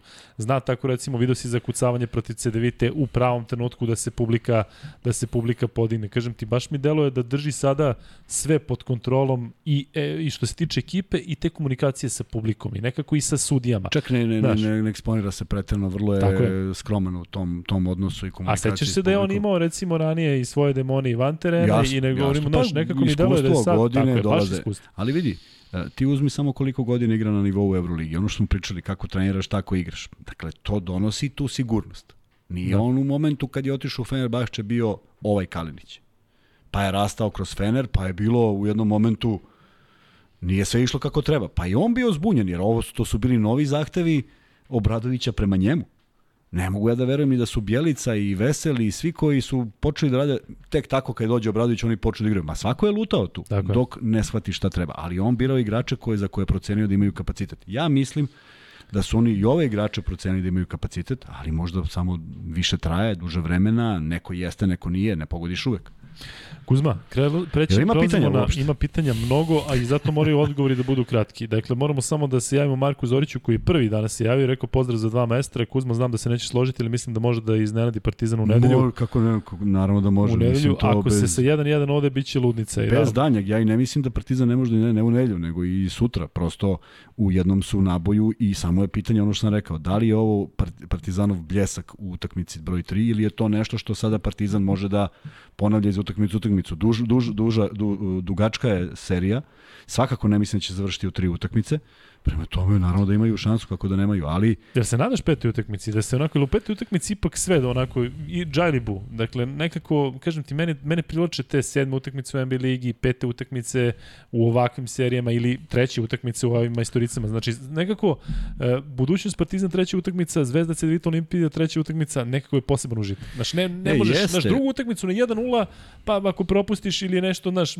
odem na 5 minuta, znaš, nema veze. Jeste, ali, ovako, ali imaš, znaš, imaš i načine kako se do toga dođe, znaš. Ako se dođe na 2-0 pa 2-2, onda tu da. ozbiljna panika ovih što su imali 2-0. A ako se dođe Just. kroz 1-1, e, fokus se baca već na treću utakmicu, dolaziš maksimalno fokusiran, spreman, onda ta utakmica može da iznese i 3-1. Ako se ta, ta treća pobedi, ona može da donese i do 3-1. Tako da ima tu mnogo nekih opcija. Ja rekao sam malo pre si me isako i rekao si mi da, da, da se ne nadam da neće biti frke. Ja bih voleo da bude pet utakmica, ali da to onda prođe u, u bravo ko pobedi. Svi bismo voleli, ali kažem ti, ne znam da li je realno. Ne, pa, realno. zato ka, on, da onda, nadamo, onda ne da volim pet utakmicu, onda da. ne volim jer ne volim neko ratno stanje. To je vrlo prosto. Razumete. Moje da. mišljenje je da Partizan apsolutno ima, da, da, da, da, da ne moraš više mi čitaš pitanja šta mislim. Zvezda je za mene blagi favorit zato što mislim da ima bolje koncipiran tim, tim koji ja Uh, način košarke koji ja više volim, što nema nikakve veze sa, sa realnim stanjem to što ja volim, i apsolutno Partizan posjeduje kvalitet koji može da ne da iznenadi Zvezdu, nego je on konkurentan a, a, po svemu što smo videli u ovoj sezoni, Zvezda u blagoj prednosti, jer to je pokazala na utakmicama, u ostalom 2-1 je za Zvezdu kada se saberu sve utakmice, prema tome to je ta prednost koju Zvezda ima i domaći teren i činjenica da im ne fali ni jedan igrač u rosteru koji god da su razlozi za, nedo, da za izostanak e, Kuruca i, i, i Dangubića, oni fale. Činjenica je da fale. Zvezdi sada ne fali niko. Čak naprotiv, dva igrača koja sede su manje više zdravi, naročito Simonović. Ivan Bojović postavlja mnogo pitanja i pozdravlja nas iz Ulcinja. Pitanje koje nema veze sa ovim, da li znaš nešto o Milanu Momčiloviću, neke osnovne podatke, ovaj momak koji igra za Wisconsin, naš ne. Momak. E, ja znam da ga porede sa Novickim i znam da je onako veliki talent i vidjet ćemo, ajde, da se ne zadržamo tu puno. Uh, usput prvi Jugović koji je draftovan je Krešimir Ćosić, a ne Ljubiša Stefanović je bio. Tako je. Da, dakle, znamo 144. to. Ali nekako, znaš, potenciraju to kao naš, pa Srbin, pa ne Jugosloven, da. Dakle, izvinjavamo se ako je zvučalo da smo zaboravili na Krešimira Ćosića, možda u nekom trenutku nam je i to ovaj, e, nestalo, ali da, Krešimir Ćosić kao 144. pik je bio to prvi. To se pamtio, to nam je Igor, Jugović, Igor, da. Igor napisao? I, Ivan. Ivan znači, Bojević, da, ali e, dobro, Igor već smo, je, već, Igor već nam nam javio, pažnju da. i uvek nam skrenite pažnju. Ovde nam se isto počinje, pošto smo uh, pominjali očeve i sinove, ko su sve u ovom regionu, pa se pominju Jarići, Vučevići i tako. Pitaju da li smo gledali film 1 na 1, trebalo da glumimo film 1 na 1. Moj uh, drugar iz detinjstva, Relja Milanković, koji je danas poznati producent ispred Basivity Music, uh, Basivity, već kako se zove, ta firma je glumio u tom filmu i gledali smo, čak sam ja imao otpor zato što nisam hteo da, da gledam u tom trenutku, ali to je film kada sam ja bio u uh, srednjoj školi. Si gledao jedan jedan? Ne. Nisi. Uh, Cvijanović, ono, Nis. ne znam, igra za pare, lik, nisi ništa. Nisam, nisam. Dobro. Džaba pričaš. Uh, nisi gledao Vanja jedan jedan? Film? Dobro, Vanja gleda. Viš šta ti je sukup generacija. Za nije Brid pokidao prednje ukrštene ligamente, teška priča da on nastavi sa ozbiljnom košarkom, da se nadamo da nije, mada moguće da si u pravu. Mi želimo da se nadamo zato što e, jednostavno ne volimo kad slušamo o povredama i mnogo mi je krivo kad se bilo ko povredi. Uf, strašno. Pa da. E, pozdrav iz Podgorice, pozdrav i od nas za Podgoricu. Imamo ovde veliki broj pozdrava, nemojte ljuti što nećemo moći da da čitamo sve vaše mišljenje na smenu onog zla Bartomeua. Pričat ćemo o tome kada završimo segment o Zvezdi i Partizanu. Podsjetim ako zaboravim između ovoga što se desilo. Tako je, to je jedna da od bitnijih stvari. Ti, da. ti, ti ne možeš pit, setiš pitanja sada, kamo li za sad. Ne, ja samo kad krenem, ne mogu da se setim, ali... Da. ali ovaj... e, e, sada idemo, dakle, ova neka, da kažem, e, pitanja malo zbiljnija. Luka Kuzma, pitanje za vas. Ako Partizan uzme break u prvoj, ja mislim da je serija završena, ako desi pitanje da Kuzma kako komentariše smenu Đordija, dobro? E, malo nepovezano, ali ajde, ne mora pitaju da znači. za taj break, nije sigurno gotovo nije ako sigurno krene gotovo, pa kako, mislim. Ali je velika gotovo. prednost. Velika, velika prednost velika. ako znaš da rešavaš na svom terenu pred svojim navijačima potencijalno. Velika, ajde da pogledamo, ajde da pogledamo nešto što, što, što slične utakmice koje su dešavale ove sezone, imate dve serije. Olimpijakos Monako i Barcelona Bayern da vidimo kako su se one završile, da vidimo kako je išlo, a išlo je vrlo slično, 1-1, 1-1, je tako? Dakle, nije tu bilo neko je vodio 2-0 pa se uljuljkao pa otišao. Prema tome od starta su krenule uh, problemi i izvukli su se domaći timovi, izvukli su se kvalitetniji timovi u krajnjem slučaju, jer to jeste duga serija u jako kratkom periodu, prema tome uh, ne znači jedan break ništa, kao što 2-0 ne znači ništa. Zvezda imala 2-0 protiv budućnosti i to ubedljivih. Ukupno jedno 90 poena je Zvezda vodila, pa je izgubila dva susreta u Podgorici. Kako ocenjujete Kalinić u odbranu cele sezone i da li vam se čini da u određenim trenucima gubi fokus zbog čestog razgovora sa sudijama? Ne mislim da gubi zbog toga, mislim da gubi zbog umora. I bilo je utakmica gde sam ga posmatrao, pošto kamera onako na, na evroligaškim utakmicama dosta ide i snima likove. Tačno vidiš neke momente gde je on doživeo uh, doživeo ovaj, ovaj prekid filma. Jednostavno, da li to da, bude neki... Da je nervoza poznana sa umorom, direktno. Tako je, sa umorom. Jer da li to bude neki... Dešavalo se da su ga udarili par puta u lice, ajde da. pretpostavimo da je slučajno dešavalo se nekad neke ne slučajno, tako da, da. nekada i onda i onda odjednom vidiš čoveka koji radi sve ono što nikad ne radi na primjer da. zatrči se i iz kontra šutne to on zaista nije njegov njegov način igre prema tome mislim Ali čini da mi se da i to dozira u trenucima kada nije tolika šteta ne da će to da uradi kada je šut za pobedu Ne, ne, ne, Znaš, ne, onda onda znači, na je bazi pokušao. tom tako trenutku. je. E onda onda je tu Radonjić pravio dobre stvari kad ga je odmarao i dobro je što ga je odmarao i mislim da imaju prilično dobru komunikaciju po tom pitanju, ali u pravu si, e, ja mislim da je on sada fokusiran za ovo, da je njegova velika želja da se pokaže kao lider ekipe, ne kao individualni lider ekipe, nego kao lider ekipe koji će osvojiti prvenstvo i da će tih e, ispada biti sve manje. E, pazi ovo, slušam vas od epizode 7 Dobro. Šta A zašto nisi gledao prvih šest? Da. I samo tako nastavite. Gde si bio? Hvala ti, da. E, predlog, slušaj dobro ovo, predlog da poslije svake tekme finala ABA lige odradite kratku video analizu od 15 minuta. Ćemo znati ja i ti to sa ovim telefonima nešto da pošaljemo ja, ja, imam, ja imam neki, neku, neku Nokia ne znam se zove, ne, sačuvaj Bože. Imamo mislim. u vidu, čak sam ja i razmišljao o tome, vidjet ćemo da, da ne ostanete uskrećeni za naše mišljenje, samo ne znam kako, ne znam da će moći da se pojavimo u studiju i Bilo bi našeg lepo obaveza. da damo naše mišljenje, ali mi Tako nismo je. zajedno, ljudi, mi, mi se nekad i rastanemo. Tako je, da, da, ali, ali vidjet ćemo da, da, da, da nešto uradimo. Da, imamo da. u vidu imamo i to što si pričali rekao, smo o tome. Tako je, i, i čak smo i planirali neke utakmice da gledamo zajedno, možda se desi, pa možda direktno. Planili smo neke da prenosimo direktno, možda uradimo Tako je. jednu od ovih pet, nije nikakav problem.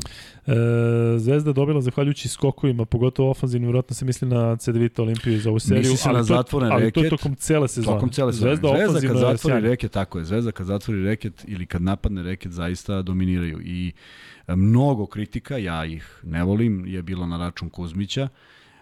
Čovek je jedan visok, jedan, jedan centar klasičan koji se bori sa, ajde da kombinujemo tamo, ne znam, Dunston i Plyce, jel tako, ili već da idemo, nije to toliko lako, ne da nije lako, nego je preteško i mislim da je jedan od glavnih najzaslužniji što je Zvezda u prvoj onoj seriji od 8-9 utakmica imala pristojan broj pobjeda, jer on je faktički pre ulaska Mitrovića u neku uh, fazu petice gde se pokazalo kao uh, dobar moment. Ne zaboravimo da je Cirbes igrao neko vreme tog backup centra, da, da, da Mitrović nužno dolazi na to mesto, da su njih dvojica sa sve ovim pomagačima, Vajtom, Davidovcem i ostalim, uspeli da zatvore reket i da dominiraju u velikom broju susreta, tako da je to jedna od ključnih stvari za utakmicu protiv Partizana. Obratite pažnju na duel ideja i Davidovca, mislim da mu je Deki ušao u glavu.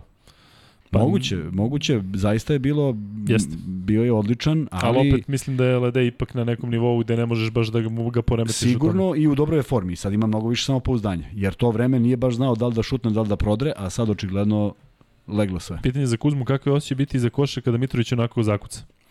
A, dobro. Ja, Jesi bio iza koša? Ja, jesam, bio Da sam iza zna- Da koša, ste videli. ali ti znaš da, vidi, t- Ti, zaista, Kuzma ne voli zakucavanje, Ne, ne, osim ne, ako, ne, ako on ne zakuca. zaista to divne, to podigne publiku, Da. ali ti znaš Ali da ja bilo mislim, bilo, bilo, I bilo Mitrović lepa. je I nisam očekivao, ne da, ne, stvarno Da. nisam očekivao, delovalo je kao da je kratak, međutim, izgledalo je zaista fantastično, s tim što ja sam stara garda i ja konstatujem da su to dva poena.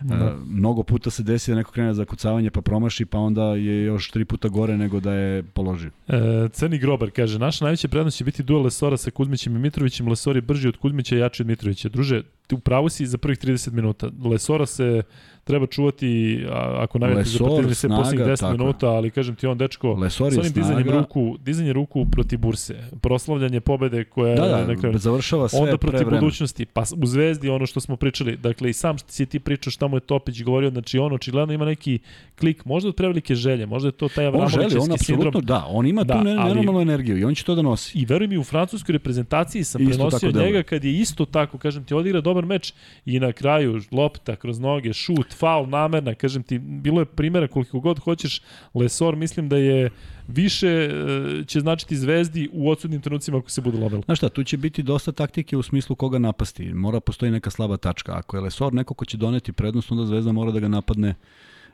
da napravi neki veći broj falova. Možda će se igrati na Kuzmića više nego običano, možda na Mitrovića više nego običano. Mitrović je dosta e, atipičan zato što je e, gabaritno mnogo, mnogo pokretljiviji, nema taj gabarit. I on beži od ovih igrača videli smo da poentira protiv mnogo viših igrača, dovoljno je nezgodan da da, da uvek može da iznudi faul. Tako da biće tu nadmudrivanja, ali što se Lesora tiče, e, zaista njegova slobodna bacanja idu od, od sjaja do očaja. I to može da bude u završnicama utakmice ozbiljan problem za jednu ekipu. To je najveći problem Vilija Rida, koji je dominantan kada je na korak od koša i kad ti ne možeš da ga zaustaviš. Čim možda napraviš faul, on je u ozbiljnom problemu da, da, da utakmicu završi. I to, to prosto protivnici znaju. Um, Kuzma, evo moje pitanje. E, mislim da je ovde bilo nekoliko sličnih. Ko je Partizanov čovjek u završnici? Znamo šta je Panter promašivao u odsudnim trenucima, znamo i šta je davao. Znamo šta, kakav je Vramović u završnici, znamo kako je Lesor problematičan u završnici. Kome ide lopta znači, u posljednjem napadu? Ja bi svakako dao Kada Panteru... znamo da Kaliniću ide pr prva Da, opcija u Zvezdi, da. imaš još 3-4 Imaš, opcije. da. Ja bih svakako dao ovaj Panteru, bez obzira na, na, na jednu fantastičnu partiju Avramovića. Panter bi mi bio taj, ali sa, ako treba da sklonim sve igrače na timeoutu i da mu nacrtam doslovce narednih 7 sekundi njegovog života, ja bi to uradio. Da mu pokažem da to mora da uradi, jer drugačije ne ide. Ono što je šutnuo protiv Burse, sumnjam da je bila zamisao bilo koga. Da nije samo protiv Burse, sećaš da je bilo još. Ne računam, samo računam Bursu jer je to 9 sekundi. 9 sekundi i to Igora A šta je bilo, izvini, je li bilo Pa budućnost? Ne, ne, posle Burse je imao isto tako. Protiv budućnosti je bila isto nešto, je dignuo, digao šut 10 sekundi, on ide, ide, e, klati, To klati. se ide na koš, ide se na faul, puna dvorana, neko svirne, neko ne svirne, probao si, nije išlo, ali nisi izgubio. Tako da, ja bi, ja bi u onome što smo gledali u posljednjoj utakmici probao s njim. E, veliki pozdrav iz Crne Gore, ili se Kuzma seća strašnog beka šutera Miroslava Radoševića, kako se neće? Kako da ne, I igrali da li ima neka dobra anegdota Kuzma koji ima, ajde samo kratko pa da se vratimo na ovo, gledam da, da pitanje idu po, po redu, a kažem ti ispadamo iz, iz ovog. Ili ima neka E, anegdota Za mene, za Radoševića, zašto? za Radošević? Ima, ali nije kratka. Pa, ali Čuvamo- prvom čuvamo prilikom, prvom prilikom da. ćemo da pričamo o tome. A Avramović u bitnom meču protiv Zvezde dao 4 poena, on računa meč bez značaja kao merilo. E, da, Avramović jeste e, vrlo nesiguran, može da da 40, isto kao i Panter, ako njih dvojica provode u jednom meču, mislim da je to za Partizan, ako Naravno. provodi jedan dobro je, ali ima i ta opcija da Naravno. ni jednom ni drugom ne ide. Ali e, tu, tu, tu igrač igrač koji stekne iskustvo, tu on stane, tu vidi gde je. Dakle, uh, Avramović, kažem, fantastična serija, fantastičan učinak na onoj utakmici u drugom u, regularnom delu. Uh, imaš igrača koji dođe do određenog broja prema promaši prvu ili izgubi prvu i, ili već vi, i onda on tu stane i počne da radi nešto drugo. Ovde se bojim da on, kad njega po, povuče euforija, da ona traje u nedogled. E tu je to neko iskustvo da sad kažeš stani, sad svi gledaju u mene, sad svi očekuju ja, ajde da vidimo sada šta radi Pera na kojeg niko ne obraća pažnju. E, pitanje za vas, dobro. E, Dragane, Dragan Kantar, tvoje pitanje e, je takvo da je dugačko i ne mogu da ga pročitam. Govoriš za gosta koga pominju ljudi, malo je to nezgodna situacija. Dakle, govoriš o kolegi koji je ne mogu da kažem na drugoj strani, ali kažem ti nije, nije prirodno da on dolazi, jako cenimo njegovo iskustvo, jako ja cenim. Ajde, kažem ti, ako bude prilike pa ćemo da, da, da ti odgovorim e, da ne mešamo sada ovu priču sa ovim što je aktualno, ali kažem ti, vrlo je teško. To što nas pitaš da dođe kao gost, vrlo je teško, ali bit će vrlo zanimljivi gostiju jako brzo, dakle, bit ćete oduševljeni, to vam ja i Kuzma garantujemo.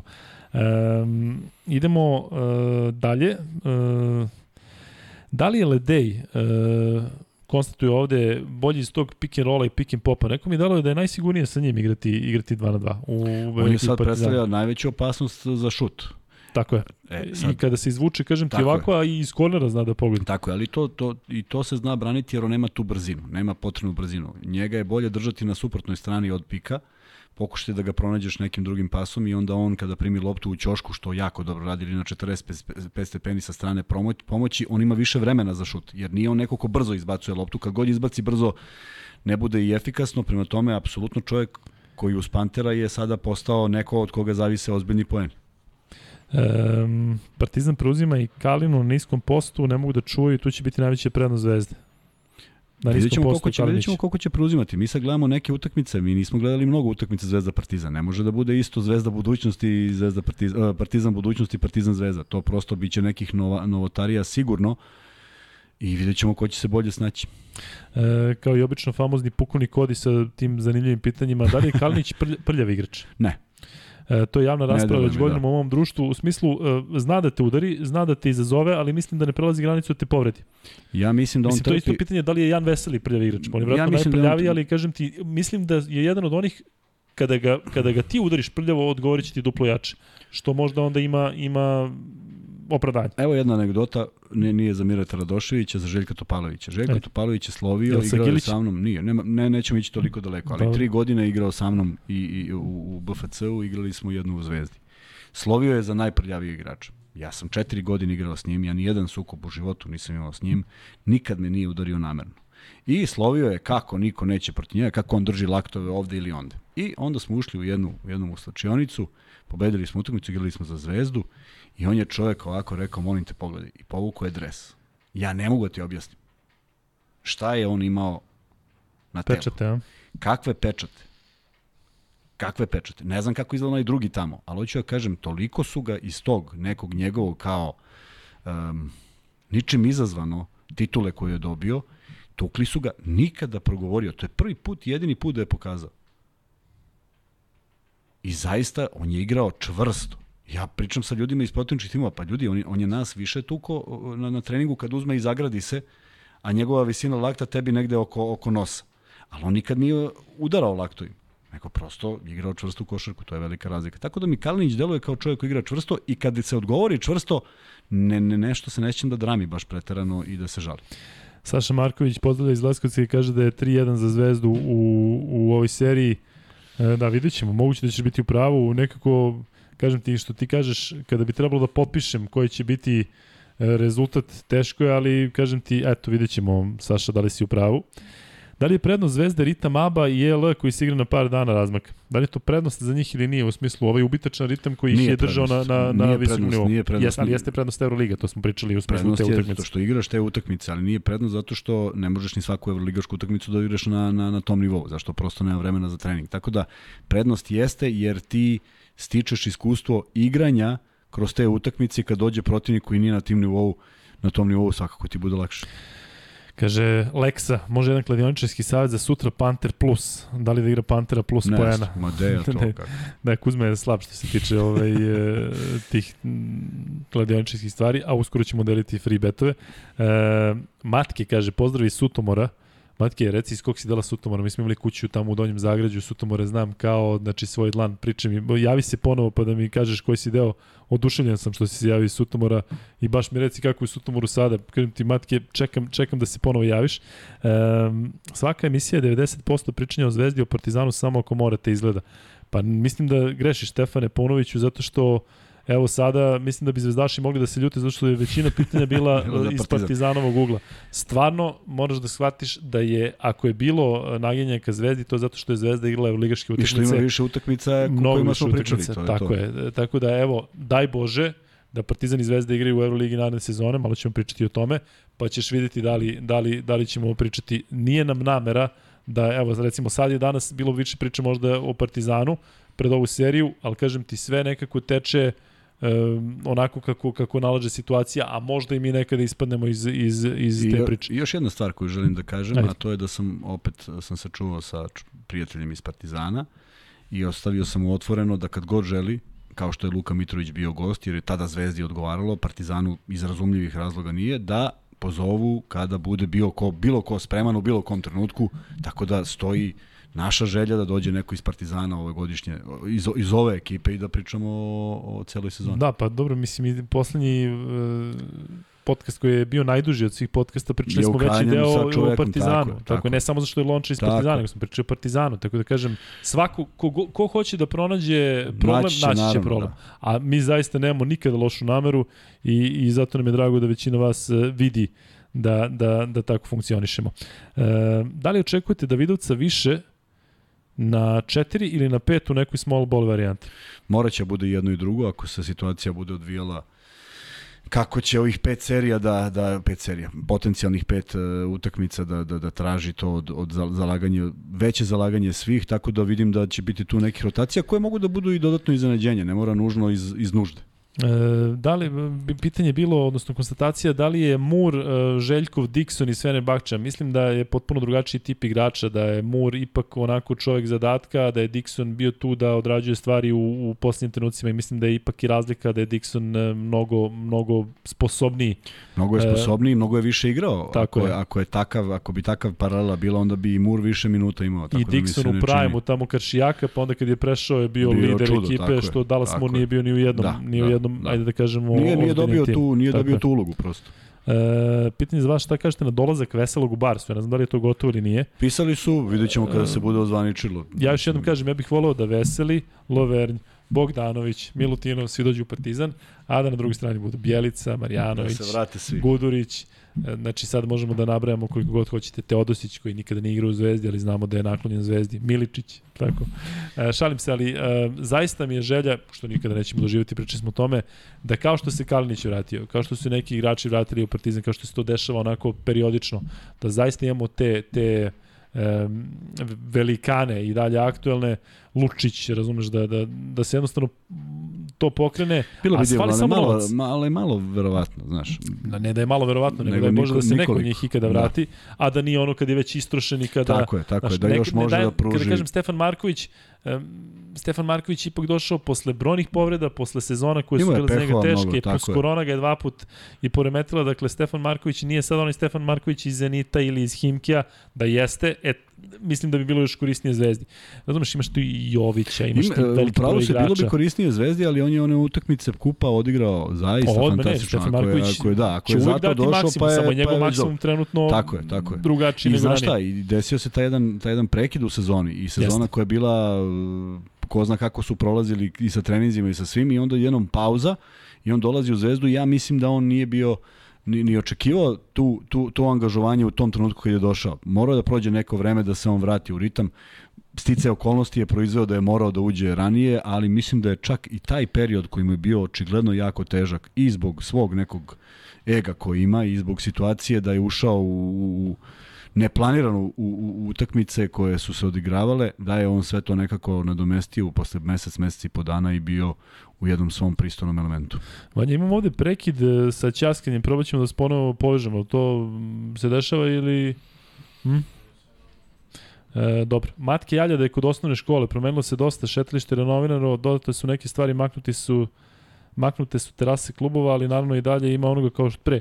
Kod te osnovne škole, odnosno u toj osnovnoj školi sam igrao pre e, pretprošlo leto sam igrao s jednim klincem basket koji trenira u Sutomoru i bilo mi jako drago. Ovaj, klinac onako, nemam baš košarkašku građu, ali verujem i obožavam tu osnovnu školu preko puta pošte i sećam se da smo tu volili da sednemo da gledamo kako igrate vi futbal koji ste odatle i kažem ja u Sutomoru uživam i gledam ga bukvalno kao, kao svoj grad zato što smo kažem ti tu tamo 90. se igrali kuću i, i dolazili smo redovno do pre nekoliko godina kad više ovaj, ne može da se dolazi odnosno kada su moji to, to prodali. Ali um, Kuzma, nemam, nemam uopšte sad ništa ispred sebe, znaš Vanja, nemam, znači sve mi je, puko je YouTube, Uh, tako da, uh, nemam kažem ti internet uopšte, ali dobro, valjda će da se vrati. Uh, I nadamo se da, da će biti još pitanje, samo mi je problem u smislu da ne možemo da podelimo ove free betove, ali ajde, ovaj, kažem, da se nadamo da će ovo da se sredi. Kuzma, ajde da pređemo onda na ovu priču oko Bartomeo i oko Euroligi. A gde si ti stao? Ja imam sad neka... Me, nemam ništa. Ja ni sad YouTube Evo sve ja sam čorao, pa pogledaj. Ovo radi. Uh, da, ima ovde dosta, dosta, ovaj, Nađi na dosta novog. Pa, ja ne e, da. E, jedno pitanje je van teme podcasta, jeste ispratili derbi danas i generalno futbol, cenim da Kuzma kao Delija prati futbol, e, ako možda, ali možda grešim. Redko, redko gledam, ali gledao sam dva fantastična gola si mi dao ovo bre prič, čovjek priča neki. Neki priča, dva fenomenalna gola Kataja, zaista je o, i prvi i drugi odradio kako treba i to je neki utisak sa cele utakmice. Nije baš bilo nešto mnogo futbala, ovaj, ali 2-1 je završeno, makar tri gola. Mnogi su predviđali 0-0, pa penale. Meni je bar drago što smo uživali u toj nekoj neizvesnosti koliko toliko.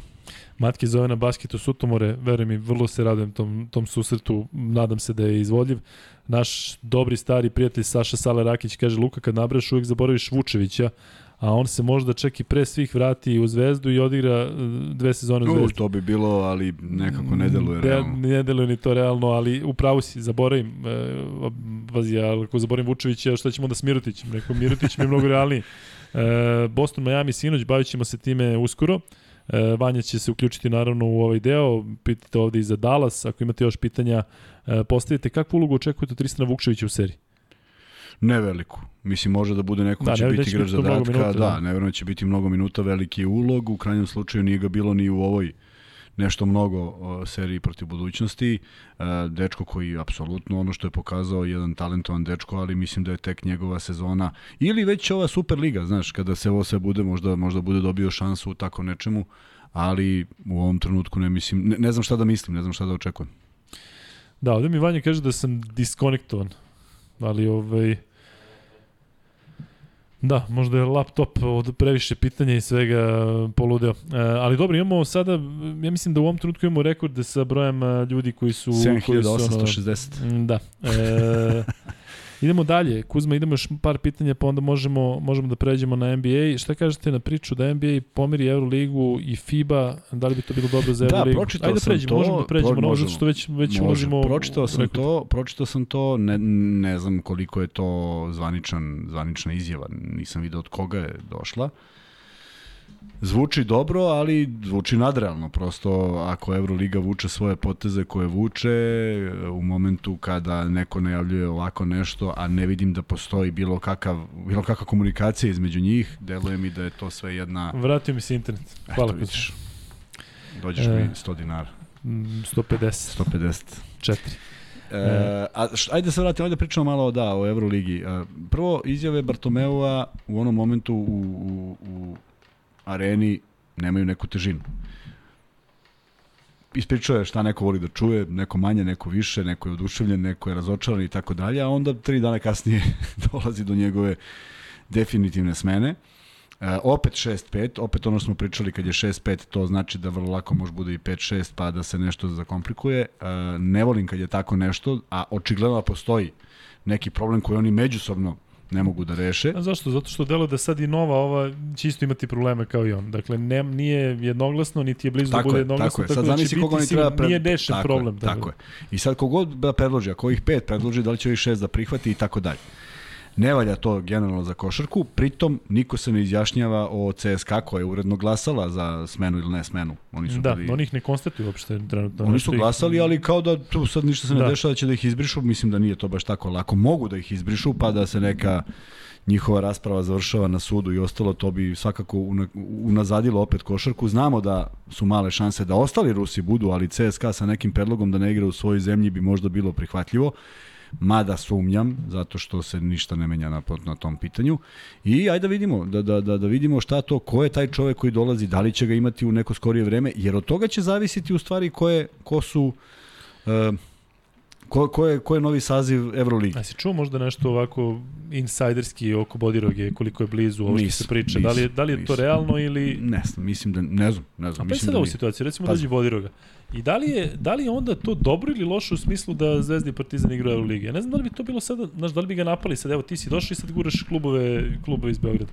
Pa sigurno da bi, odmah bi je bilo Ja, da je tako. to Bodiroga i on se nalazi u još lošoj poziciji. Tako je. Vidi, ne znam koliko je Bodiroga zainteresovan za to, naravno da bi bilo drago s obzirom da je bio veliki igrač, ali to je jedna nova dimenzija, to je jedan novi posao, to je nešto što košarkaš nužno ne mora zna da radi, to je menadžerski posao.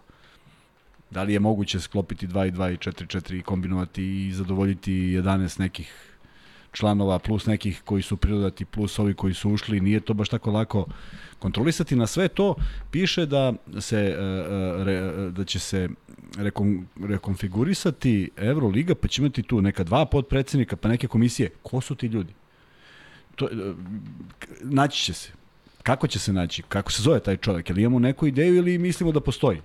Znaš, mnogo je to teško tako, a deluje mi da još uvijek ne znaju šta se tačno radi. Nismo to primetili na Final Fouru što se organizacije tiče volontera, svog osoblja, svega što je funkcionisalo. moram da te prekinem, ali e, bili su Španci nekorektni. Evo ja ću ti sad reći iz svog primjera, nije jedan čovjek, nego više njih.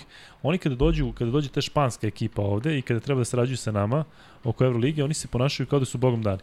Ja ću dati primjer da postoji lik koji je neki običan statističar, koji misli da je, da je car i ja mu sad kažem, vidi Burazeru, treba mi da bih mogao da radim, treba mi, govorim ti sad baš primjer. I posle sam pitao, čekaj, ovaj mental, treba pravim veći problem, Ne, kaže oni jednostavno tako se ponašaju zato što misle da smo mi ono niža rasa za njih. Dakle, nije mi to rekli jedan čovjek. španac nego iz njih Euroligi ili španac španac, španac? u okviru Evrolige, Evrolige, doputovao je da radi tu svoj posao i kažem ti, on je, neki je šef, da li statistični, Može odlazi kažem, sa Đordijem pa mu kriju. Ma i, pa bukvalno, ali kažem ti, oni su sad nešto besni. Pa jesu besni, jesu I jer ti, Ja su... mu kažem, Burazeru, treba mi, znači, on mi, znaš kako mi piše sudije, piše mi sudije, znači, rukopisom onim kromanjonskim, verovatno da me iznervira, ja mu kažem, ne vidim, a on A treba da nije mi znao da... na koga naišao. Ma idi bre, kažem ti ja još... Je to ono 12 povređenih ispred, Ma, ispred bre. uh, hale Ovaj, ali Ranko kažem Žerović? ti, znaš kako su, kažem ti, još me posle, posle me kao nešto tapše po ramenu i sve kada je završeno, mu kažem, vidi, dao si mi, pazi, da mi e, e, e, ekipe na istom papiru. I sad jedna ekipa ovde, druga ekipa ovde. Kako I ti treba kako da čitaš. Znaš, sad ja, znaš, da, ovako, Časko. ja mu kažem, samo mi daj, važi, daću ti. Počinje utakmicu, ja mu kažem, neću, neću da krenem utakmicu, evo nek čekaju. Nek čekaju sada bez mene. Pa je onda nastala frka kad je video da zavisi od njega, ali kažem ti, nije jedini. Ima i divnih tih španaca, ali kažem ti, čuo sam da su, on, da su oni bahate i da je to kažem ti, govorim iz mog iskustva, ali ajde, Moguće, valjda više moguće. neće, neće biti. Da. Spominje se isto Marko Pešić i suvlasnik Makabe za funkciju predsednika Euroligi. E, mislim da je čovjek koji je iz Makabija, mislim da je bio u Beogradu sada, čak smo imali neku interakciju koji je to taj koji se pominje kao eventualni naslednik Bartomeua. Šta misliš o Marku Pešiću i, i toj varijanti?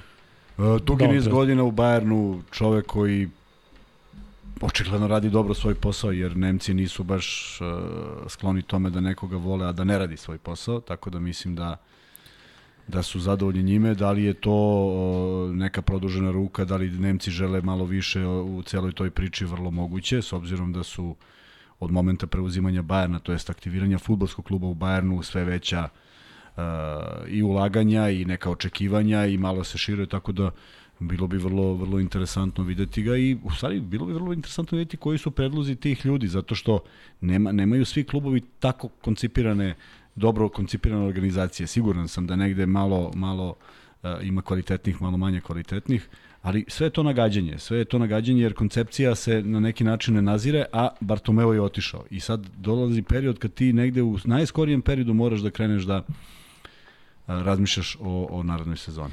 Jasmina Jasna je poslala najviše poruka večeras, ali prilično su onako nepovezane. Um, Kuzma, da pređemo na NBA ligu, pošto već igruvamo skoro nepuna dva Da, sata i bi. više od dva sata. Vanja, si spreman? Na Ajde sad za ćemo, početak. Euroli, sad ćemo NBA ligu to za dva minuta. Ali znaš šta ćemo? E, Da free betove ćemo da delimo e, za poznavaoce malo NBA lige. Može? Slažeš? Kako, kako god želiš. Ajde, prvo pitanje za free bet, ko je najbolji defanzivac NBA lige ove sezone? Ko prvi odgovori dobija dakle e, free bet u max betu 1000 dinara. E, I to tako što ćemo mi ovde da vas prepoznamo, pa ćete onda da nam se javite na Instagram, samo da vam se prepozna Ne, sad ID. idemo, odmah ćemo da objasnimo. Ajde, Da se registruju, da se registruju na MaxBetu. Ako nemate već nalog. Ako nemate nalog, i dobit ćete ID. Samo ID pošaljite na naš Instagram nalog. Tako je, dakle, znači e, mi, Ime i prezime samo mi ćemo da vidimo ko je da. i šta je. Da. Pozdravljena Sala Najverson iz Zarilja. Veliki pozdrav iz Zarilja. E, Zarilje. E, Vanja, da pređemo na NBA Željka ligu. Bojevića da mi pozdravi Alan Iverson. Željko Bojović. Da, sad nek, nek, nek, sad nek zove Željke da pozdravi Željka. Željko, javi se. Ne, da pozdravi Luka Alan, da pozdravi Milenković. Željka. Luka Milenković je odgovorio Alan prvi. ne pozdravi Željka. Alan ne pozdravi Željka. Luka... Um, Da, gotovo izgubio si, vidiš da ni ti ne znaš šta ću da kažeš. dakle, Marko Smart. Uh, idemo sledeće pitanje za NBA. Dakle, imamo još dva. Ali ne, ne javlja se Luka. Leksa, javi se. Leksa, vi kako, kako e, baguje Sabotira. kada uđe, uđe u NBA ligu. Ovaj deo. Nisam progovorio da celom čita. noć. E, eno ti on knjiga izda nisam od Dennis. Rodmanu. Jeste. Ne znam odakle mu snage. je, Čovjek u godinama koji, koji priča dva sata bez prestanka. Dakle, Luka Milenković dobio prvi free bet. Luka, znači uđeš na nalog eh, Max Beta, odnosno otvoriš nalog, dobiješ ID, pošalješ nam da si ti Luka Milenković, da znamo da jesi, i pošalješ nam svoj ID i bit će ti uplaćeno 1000 dinara. Hteo sam da kažem Drugi- da Luka ne odgovara na drugo pitanje. Šta da Luka? Ne Divac. odgovara sad ponovo. Znaju ljudi, bre, pa prate, bre, ovo su ljudi redovni, bre. To su redovni ljudi. Da, znači Luka, nemoj da odgovoriš na drugo pitanje. Baš slušao, e, slučajno Luka. Što nije Vladimir je? E, drugo pitanje, e, ko će vam pitanje, Vanja? Daj neko pitanje. Koje su Pa si bi, do- koja je ne. bila petorka first team All NBA? Nek nabraje. Pa ima ljudi da, da polude ovde, mnogo Pa mi je to teško. Da Mi, Ne, ajde ovako, koji je Vanjin omiljen igrač koga stalno pominje, E, to će sigurno. a igra za tim sa jugoistoka Amerike. Eto. U, sad ne, na geografiju rekao. čoveče. E, Ili, na primjer, nešto drugo. 3 plus 3, na primjer. E, koji da će znati. Pa daj sad nešto je lakše, sata. čoveče. Sad si dao defanzivca, sad ćeš ti ceo Luka tim. je shvatio, je čovjek shvata, mora ovdje da potvrdi da shvatio sam, ne bi ništa sve u redu. Dakle, Luka nema da Pa govoriš na drugo pitanje. izmaltretirao si ga. Dakle, koji je Vanjin omiljen igrač? A, krenut ćemo i sa tom ekipom. Dakle, Miami u problemu, Vanja, 3-2, jesi očekivao to? Pa nisam ozbiljno pobre... problemu je pogotovo zato što su Butler i Hero koji nije igrao očigledno roviti. Butler više nema tu eksplozivnost da prosto ode do koša kad god želi kao u prvom meču, nema te fizikalne igre, Lauri isto rovit, a Debajo ne igra s tom agresivnošću kao što igra s trećim mečom i vidi se sa dubina Bostona koliko njima znači što imaju dvojicu kao Brown i Tatum koji mogu za sebe, to je ono što se pričao, stvaraju pojene kad god, kad im god, pot, A, kad im nisam očekivao, potrebno. nisam očekivao. Stefan Mijailović je odgovorio Butler. Stefan Mijailović, e, dakle, javi se Stefane, znaš kako nama na Instagram sa ID-em otvori na MaxBet nalogu i kada nam proslediš ID mi pošaljemo njima, oni ti uplati 1000 dinara, dakle dobili smo i drugog Milan Rakić je zakasnio sa Butler, Merala Minđake piše Jimmy, pazi pratite, znaš. A pitali su te, pitali su te šta misliš o ovoj novoj e, varijanti oko faula u tranziciji, nešto, neko novo pravilo. Pa iskreno nisam još to, nisam ni Nisam vidio ni ja to ispratio. novo pravilo, ali nije svidelo mi se i pro, prethodno, to je ovo što je trenutno uopšte. Da, nekako je potpuno drugačije u odnosu na evropska Da, da. pravila. Kažem ti, ja čak ne mogu da kažem koje mi je bolje, koje mi je gore. Uh, Nenad Janković kaže da ti Nikola Jokić omljen igrač, Nije. da slavo, slavo pratiš. Uh, Vanja, uh, jel daješ i dalje šanse Majamiju da dobiju naredne dva meča? Šta očekuješ konkretno od te šeste utakmice? Da prvo Hero igra i da igra kao šesti čovek, da ima 20 poena. Pošto je play-offu znatno opala njegova igra. Ali moguće dati 20 poena, pošto će ukupno, ja mislim da bude po 60 poena sa obe strane. Vidio si kakve se odbrane igraju i koliko se igra na mali broj poena.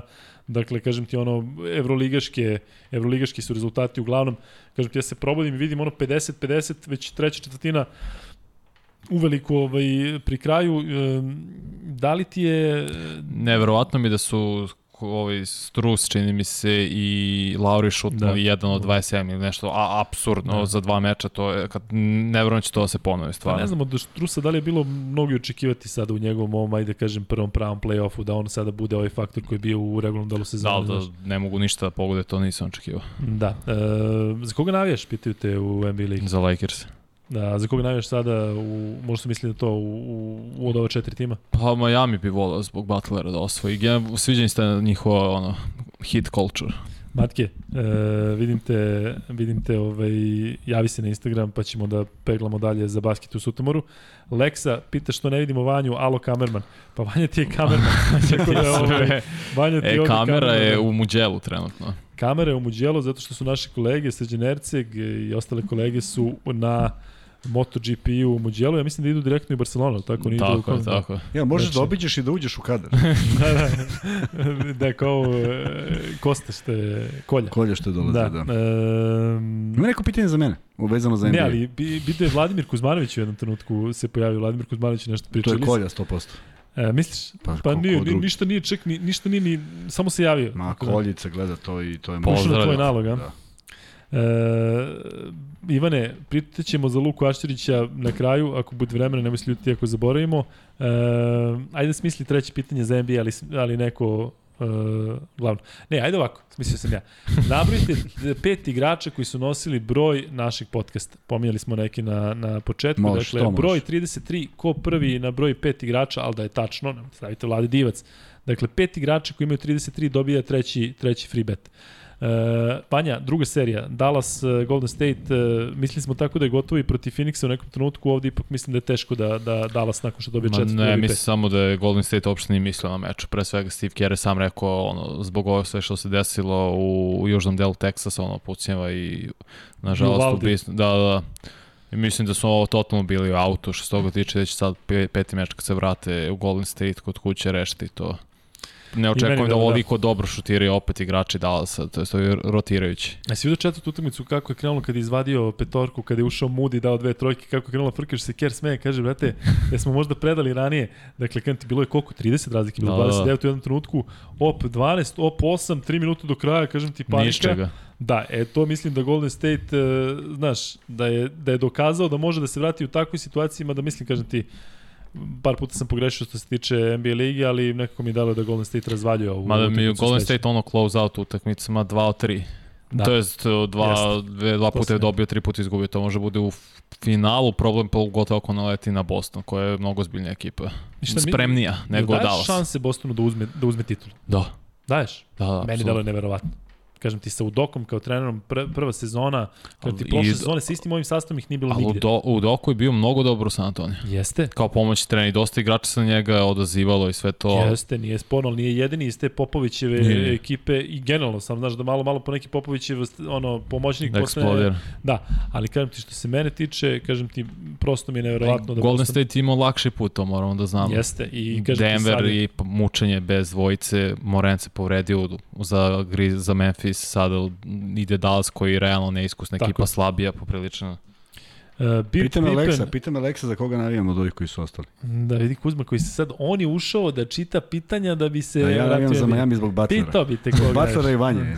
Ne, čekaj da kažemo, Nemanja Đorđević, slušaj, Slušam. Kuzma, ovo ti voliš da beležiš. Beard, Pippen, Konator, Jabbar ne, i Milan Adams. Rakić je prvi. Ko je? Milan Rakić je prvi. Jao, jeste, Milane, izvini. Da, molim da. Milan Rakić je prvi. Karim, Beard, e, A evo ti Luka Ewing, kojem si objasnio sve. Viš šta te pita Luka kojem si objasnio sve. Evo ti, kad, kad meni ne daš da objasnim. Vidiš šta te pita. ma, to se Luka zeza. A zgleda se to. Ovaj, a, čekaj, Milan Rakić dobija treći free bet. Jeste. E, Prvi se javio. Ne smemo da delimo više, ne smemo, a? Ne smo više. Da. Leksa, e, ti koji si prvi pokrenuo tu priču oko Pantera Plus, vidiš da mi ne daju, ali ajde smislit ćemo nešto za neki drugi put. Leksa, javi se pa ako bude nekih ono da možemo da delimo bez pitanja, a verovatno ćemo moći, kažem ti, budi Leksa tu u buduće već na, na sledećem ovom um, sledećem podcastu pa ćemo da nešto proguramo. Uh, zato što mislim da zaista zaslužuješ ako već se baviš tim nekim uh, detaljima koliko, koliko ko daje poena. Koje su ti Ali- mišljenja o ekipama? Čekaj, čekaj, Milan Rakić, Mhm. Moja. znači samo da, ko- da, da kažemo Milan Laki, Rakić, Karim Beard, Viewing, Ewing, uh, Šek i naravno Pippen. Dakle, Milan Rakić je dobio, dobio treći free bet. Sad. d- d- Vanja registruj postoji pitanje Kuzmi, Vanja. registruj se i pošalje nam ID. Koje pitanje? Pitanje za Kuzmu, šta misli, da li bi se mogao uklopiti Ne bi, sa ne svojim da. stilom igre u današnji NBA? Ne, ne bi ne mogu ni on, ondašnji. Za koga Ovaj, navijaš od ova četiri? A za Miami zbog Butlera i Vanje. Navijaš za Boston, priznaj. Nešto si ti Da, konstantno kako Boston, da ne, za Boston Imaš baš. neki, imaš prijatelj u Bostonu? Kako da ne? Imaš prijatelj? Dragan Skoko je u... Ovaj, Da vidiš da, vidiš da moram ja, ti objasnim. Pozdravljam da ga ovim putem. Pozdravljamo Uz Dragana pesmu, Skoka. uz pesmu neku koju ne znam. Šta su nas pitali? Bilo je neko bre dobro pitanje, nešto šta treba da radimo bre, ja i ti oko podcasta. Da, bilo je pitanje koje sam, bilo dosta pitanja koje sam propustio, zaista je teško sve pohvatati, ali pitali su da li ćemo raditi podcast i kada se završi sezona, naravno da ćemo raditi. Da li će da traje podcast tokom leta? Evo, Kuzma se zbunio na to pitanje. Ne, ne, se zbunio. planili smo. Hoćemo naravno, koliko Samo što ćemo nam, možda nekada da imamo Da. više gostiju, ako ne koliko bude... god nam vreme bude dozvoljavalo, toliko ćemo raditi Idemo u blagovremeno ritmu ćete dva biti obavešteni. za sada, Da. zahvaljujući Max Betu. Evo, Evo ga tu. Evo ga Max Bet. E, Max Bet je bio na televiziji danas. Tako je, Max Bet Da, bio na da. televiziji. E, Prezadovoljni smo saradnjom. Rekao sam da su momci iz Max Beta e, pre, prepoznali nas i pre nego što smo im bilo šta rekli, jedan od najlakših dogovora koje Da. sam imao, otišli smo, videli su šta radimo, videli da to ima domet, rekli momci super i onda smo pričali privatno, e, tako da baš sam, baš sam zadovoljan e, kako su kako sve to izgleda i siguran sam da će to biti dugoročna saradnja. Nadam se. Da, da ćemo ovo, da ćemo ovo da pokazujemo godinama una, u, u napred. E, imaćemo još sponzora i o tome ćemo da se obavestimo. Otvorit ćemo Patreon, otvorit ćemo Paypal. Vanja, imaš nešto oko NBA za kraj? Moramo da je samo tvoje mišljenje o petorkama što su izbrani. E, Prva, druga, bilo mi je treća. nešto, u, u trećoj petorci sam video nekoga ko mi, ko mi tamo... E, Sijakam. Sjakam, da. Da, nevjerojatno mi da niko iz Miami nije ko je prvi seed uh, u istoku, prvi Da, da, nosilac, ne nema ni jednog igrača. To A je, viš da bi LeBron bio u trećoj petorci da nije LeBron? Ne bi. Pa naravno da ne bi. Ne, da mislim, igrao je neverovatno, ali previše propuštenih mečeva, Lakersi nisu igrali ni Tako play in. Sa, a sa, sa, sa tom... Uh, sa tom varijantom možda ga staviš i u prvu petorku. Razumeš, kao LeBron i LeBron. Pa ajde da ga stavim. Ne volim, ja više asociram to, barem ovaj All NBA timove sa uspehom tima do nekla. Pa naravno. Mora, mislim, da pa bude. mislim mora da ima da bude bitno prilikom odlučivanja, ne mora da bude presudno, ali kažem ti meni, znaš, Pa jedan od faktora bi trebalo bude stvarno. sigurno, da, ali, ali šta znam, u suštini uh, Mislim da mi je prva petorka apsolutno zaslužena, da je to Ajmo da ih nabrojimo. Dončić. Evo ja ću. Mo, hoćeš? Ajde probaj. pa Dončić, dalje. Šala bre, da se ljudi nasmeju. Šta mi koja sad? je petorka, koja, ili Jokić u petorci? Znam da jeste. Jeste. Dalje, Embiid. tako je. Nije. Vidiš Nije. da nije. Nije Embiid, ne može dva centra. dva centra budu. Ajde, pa Jokić. znam, ne znam. Pa ima najavlja neki Butler. Antetokounmpo. Nije. Nije A jedno. šta navijamo za njega, Vanja, koji moj? Dončić, Tatum, Booker, Tatum, Booker. Janis i Jokić. Tačno. E, uživajte momci, kaže Leksa, tu sam svakako ne zbog free beta, već zato što mi je interesantno. Leksa, sad ćeš dobiješ free bet, imamo mesečni od 3000 koji treba uskoro da podelimo. Leksa, namestit ćemo da to dobiješ ti. Šalimo se naravno, ali drago mi je da, da Luka si ovo rekao. Instagram ide Luka i Kuzma. Luka za Luku Milenkoviću, e, Luka Milenković, stvarno Luka i Kuzma Instagram, rekao bih na kraju, dakle sva trojica koji ste dobili, rekli smo ova imena, dakle javite se na Luka i Kuzma i pošaljete nam, pošaljete nam ID i onda na vaš MaxBet nalog koji ste otvorili ili već imate, uplaćuju po 1000 Mi pošaljamo, da, dalje Tako i onda vam uplati. E, šta još imamo za kraj? Vanja, e, što se tiče NBA lige, ajde da mi, da mi, samo, da mi samo prokomentarišeš još e, e, nešto sam imao sad, ja, ja, sam, po, ja sam u godinama Kuzma, ali e, daj neko, tvoje neko uopšte mišljenje dok se ja setim ovog pitanja, ajde, da kažem ti malo Evo ja da kažem da je došao, da Ajde. se prijavio Luka, evo ga, tu je. Bravo, Luka. Opa, Valjda. E, Jeste. Jeste Luka Milenković. samo budi blizu mikrofona odalje. Luka Milenković. tu je i verujem da je poslao poruku. Znaš šta sam hteo, Vanja? Opšte pitanje. Eh, E, šta misliš o tome da Vegas dobije e, svoj tim? Ne pre Seattle. Ali da li bi, e, znači, volio bi da se vrati u Seattle? Volim prosto ta kultura košarkaška u Seattle, to je, mislim, i sam Jamal Crawford svake godine organizuje njegov turnir, to se vidi koliko Jeste. i igrača ima i odatle, nebitnih, ne znam koji, srednjoškolskih koleđ, to je prosto Seattle je grad košarke, to treba da ima Da li je, su im NHL tim, imaju Seattle Kraken od Da. prošle sezone i da vidi se da je dobro, iako su ovi raspadnuti, kažem ti, mislim da su i među najgorim timovima u ligi, ali hajde, reci mi, jel bi, jel bi imao problem recimo da se Sacramento oduzme i da se da Seattle, da se ne širi nego ovo Sacramento, se stvarno tamo raspada situacija, nema ljudi na i tribinama. stvarno se raspada, da, baš Znači, je koliko grozno. god mi bili vezani za Kingse, ljudi tamo neće da igraju. Pa neće da neće, gledaju, bolje neće ljudi onda. da dolaze da igraju. Sad se Bolje. priča da je Pa mislim, ako su NFL Oakland mogu da napuste, bude Las Vegas Raiders i mogu i Kings. Čak i. Bogdan Bogdanović govori o tome, kaže, brate, imaš ono jedan restoran, dva restorana, kažem ti tačno znaš, nije, nije uopšte NBA e, sredina, nije NBA, kažem ti, centar. Nije sredina za sportske, Tako je. za profesionalni sportski tim. Mislim da su Kingsi jedini, sem ako nemaju u MLS-u, u NFL-u nemaju, u NHL-u nemaju, nemaju ni u bejsbolu, tako da Tako je. prosto nije grad, je. Da. E, dobro, e, Mogu to ti je kažem jedino da mi se ne sviđa što ima u play-offu toliko onih utakmica na plus 20-30, to me užasava. Sve više i više. Šta, što ide na Što je tolika razliku? velika razlika. I tolika i jeste, swingovi više na sve strane, to je baš grozno. Više nego, nego, nego ranije. Šta mislite o statistiki Luke Dončića koji je drugi all time iza Jordana i ispred Lebrona u proseku postignuti poena u play-off? Ajde Vanja za Morate sa tim da da znate da je su statistika prepumpana sada. Statistika je tačan zbir pogrešnih podataka. Ne, što najgore stvarno jeste da uzmu pravu do nekle, jer Od uvek bio. statist, mnogo brže igra sada, mnogo više posede ima, mnogo više šuta za tri poena, naravno će biti da će imati ogroman prosek poena. Pratiš ovo što je rekao Vanja? To je E, prosto znao tako. I to pre nego što si ti rekao, nego... Ovaj, A ovo je volim- citat, ovo je citat Marijan, Marijan Nović Šilja, moj prvi trener, na moje uzimanje statistike kao klinca, da vidim koliko smo poena dali. Ajde, še, Gužvo, bacio, statistika. tačan zbir pogrešnih podataka. Slažem se Kuzma. E, dobro, ili imamo još nešto? Šta imamo još? Imamo da pozdravimo sve. Da, Da pozdravimo kažemo, sve koji su bili s nama, zaista je ovaj, interesantno i koliko su učestvovali i šta su pitali i šta nisu pitali i nadam se da su se malo i nasmejali i da su ovaj, da se osjećaju kao deo ove naše, kao da su tu negde s nama. Radimo to na tome da vas čujemo. uključimo uh, još više, da budete deo naših podcasta, da pričate sa nama uživo, a to je povezano sa onim što treba da otvorimo Patreon i sve, kažem, pokušamo da se da se sa vama povežemo na sve moguće načine, samo nam dajte još malo vremena. Imaćemo jako bitne e, podcaste u narednom periodu, zato što su svi vezani naravno za ABA ligu, koliko to će trajati, dve i po, tri nedelje sigurno, trebalo bi, a tako, ovo oko ABA lige. Ja znam. Pa u smislu, da, ali e, i posle toga ćemo da pričamo, kažem, naredne podcaste u dve, tri nedelje ćemo posvetiti ABA ligi koliko god serija da traje.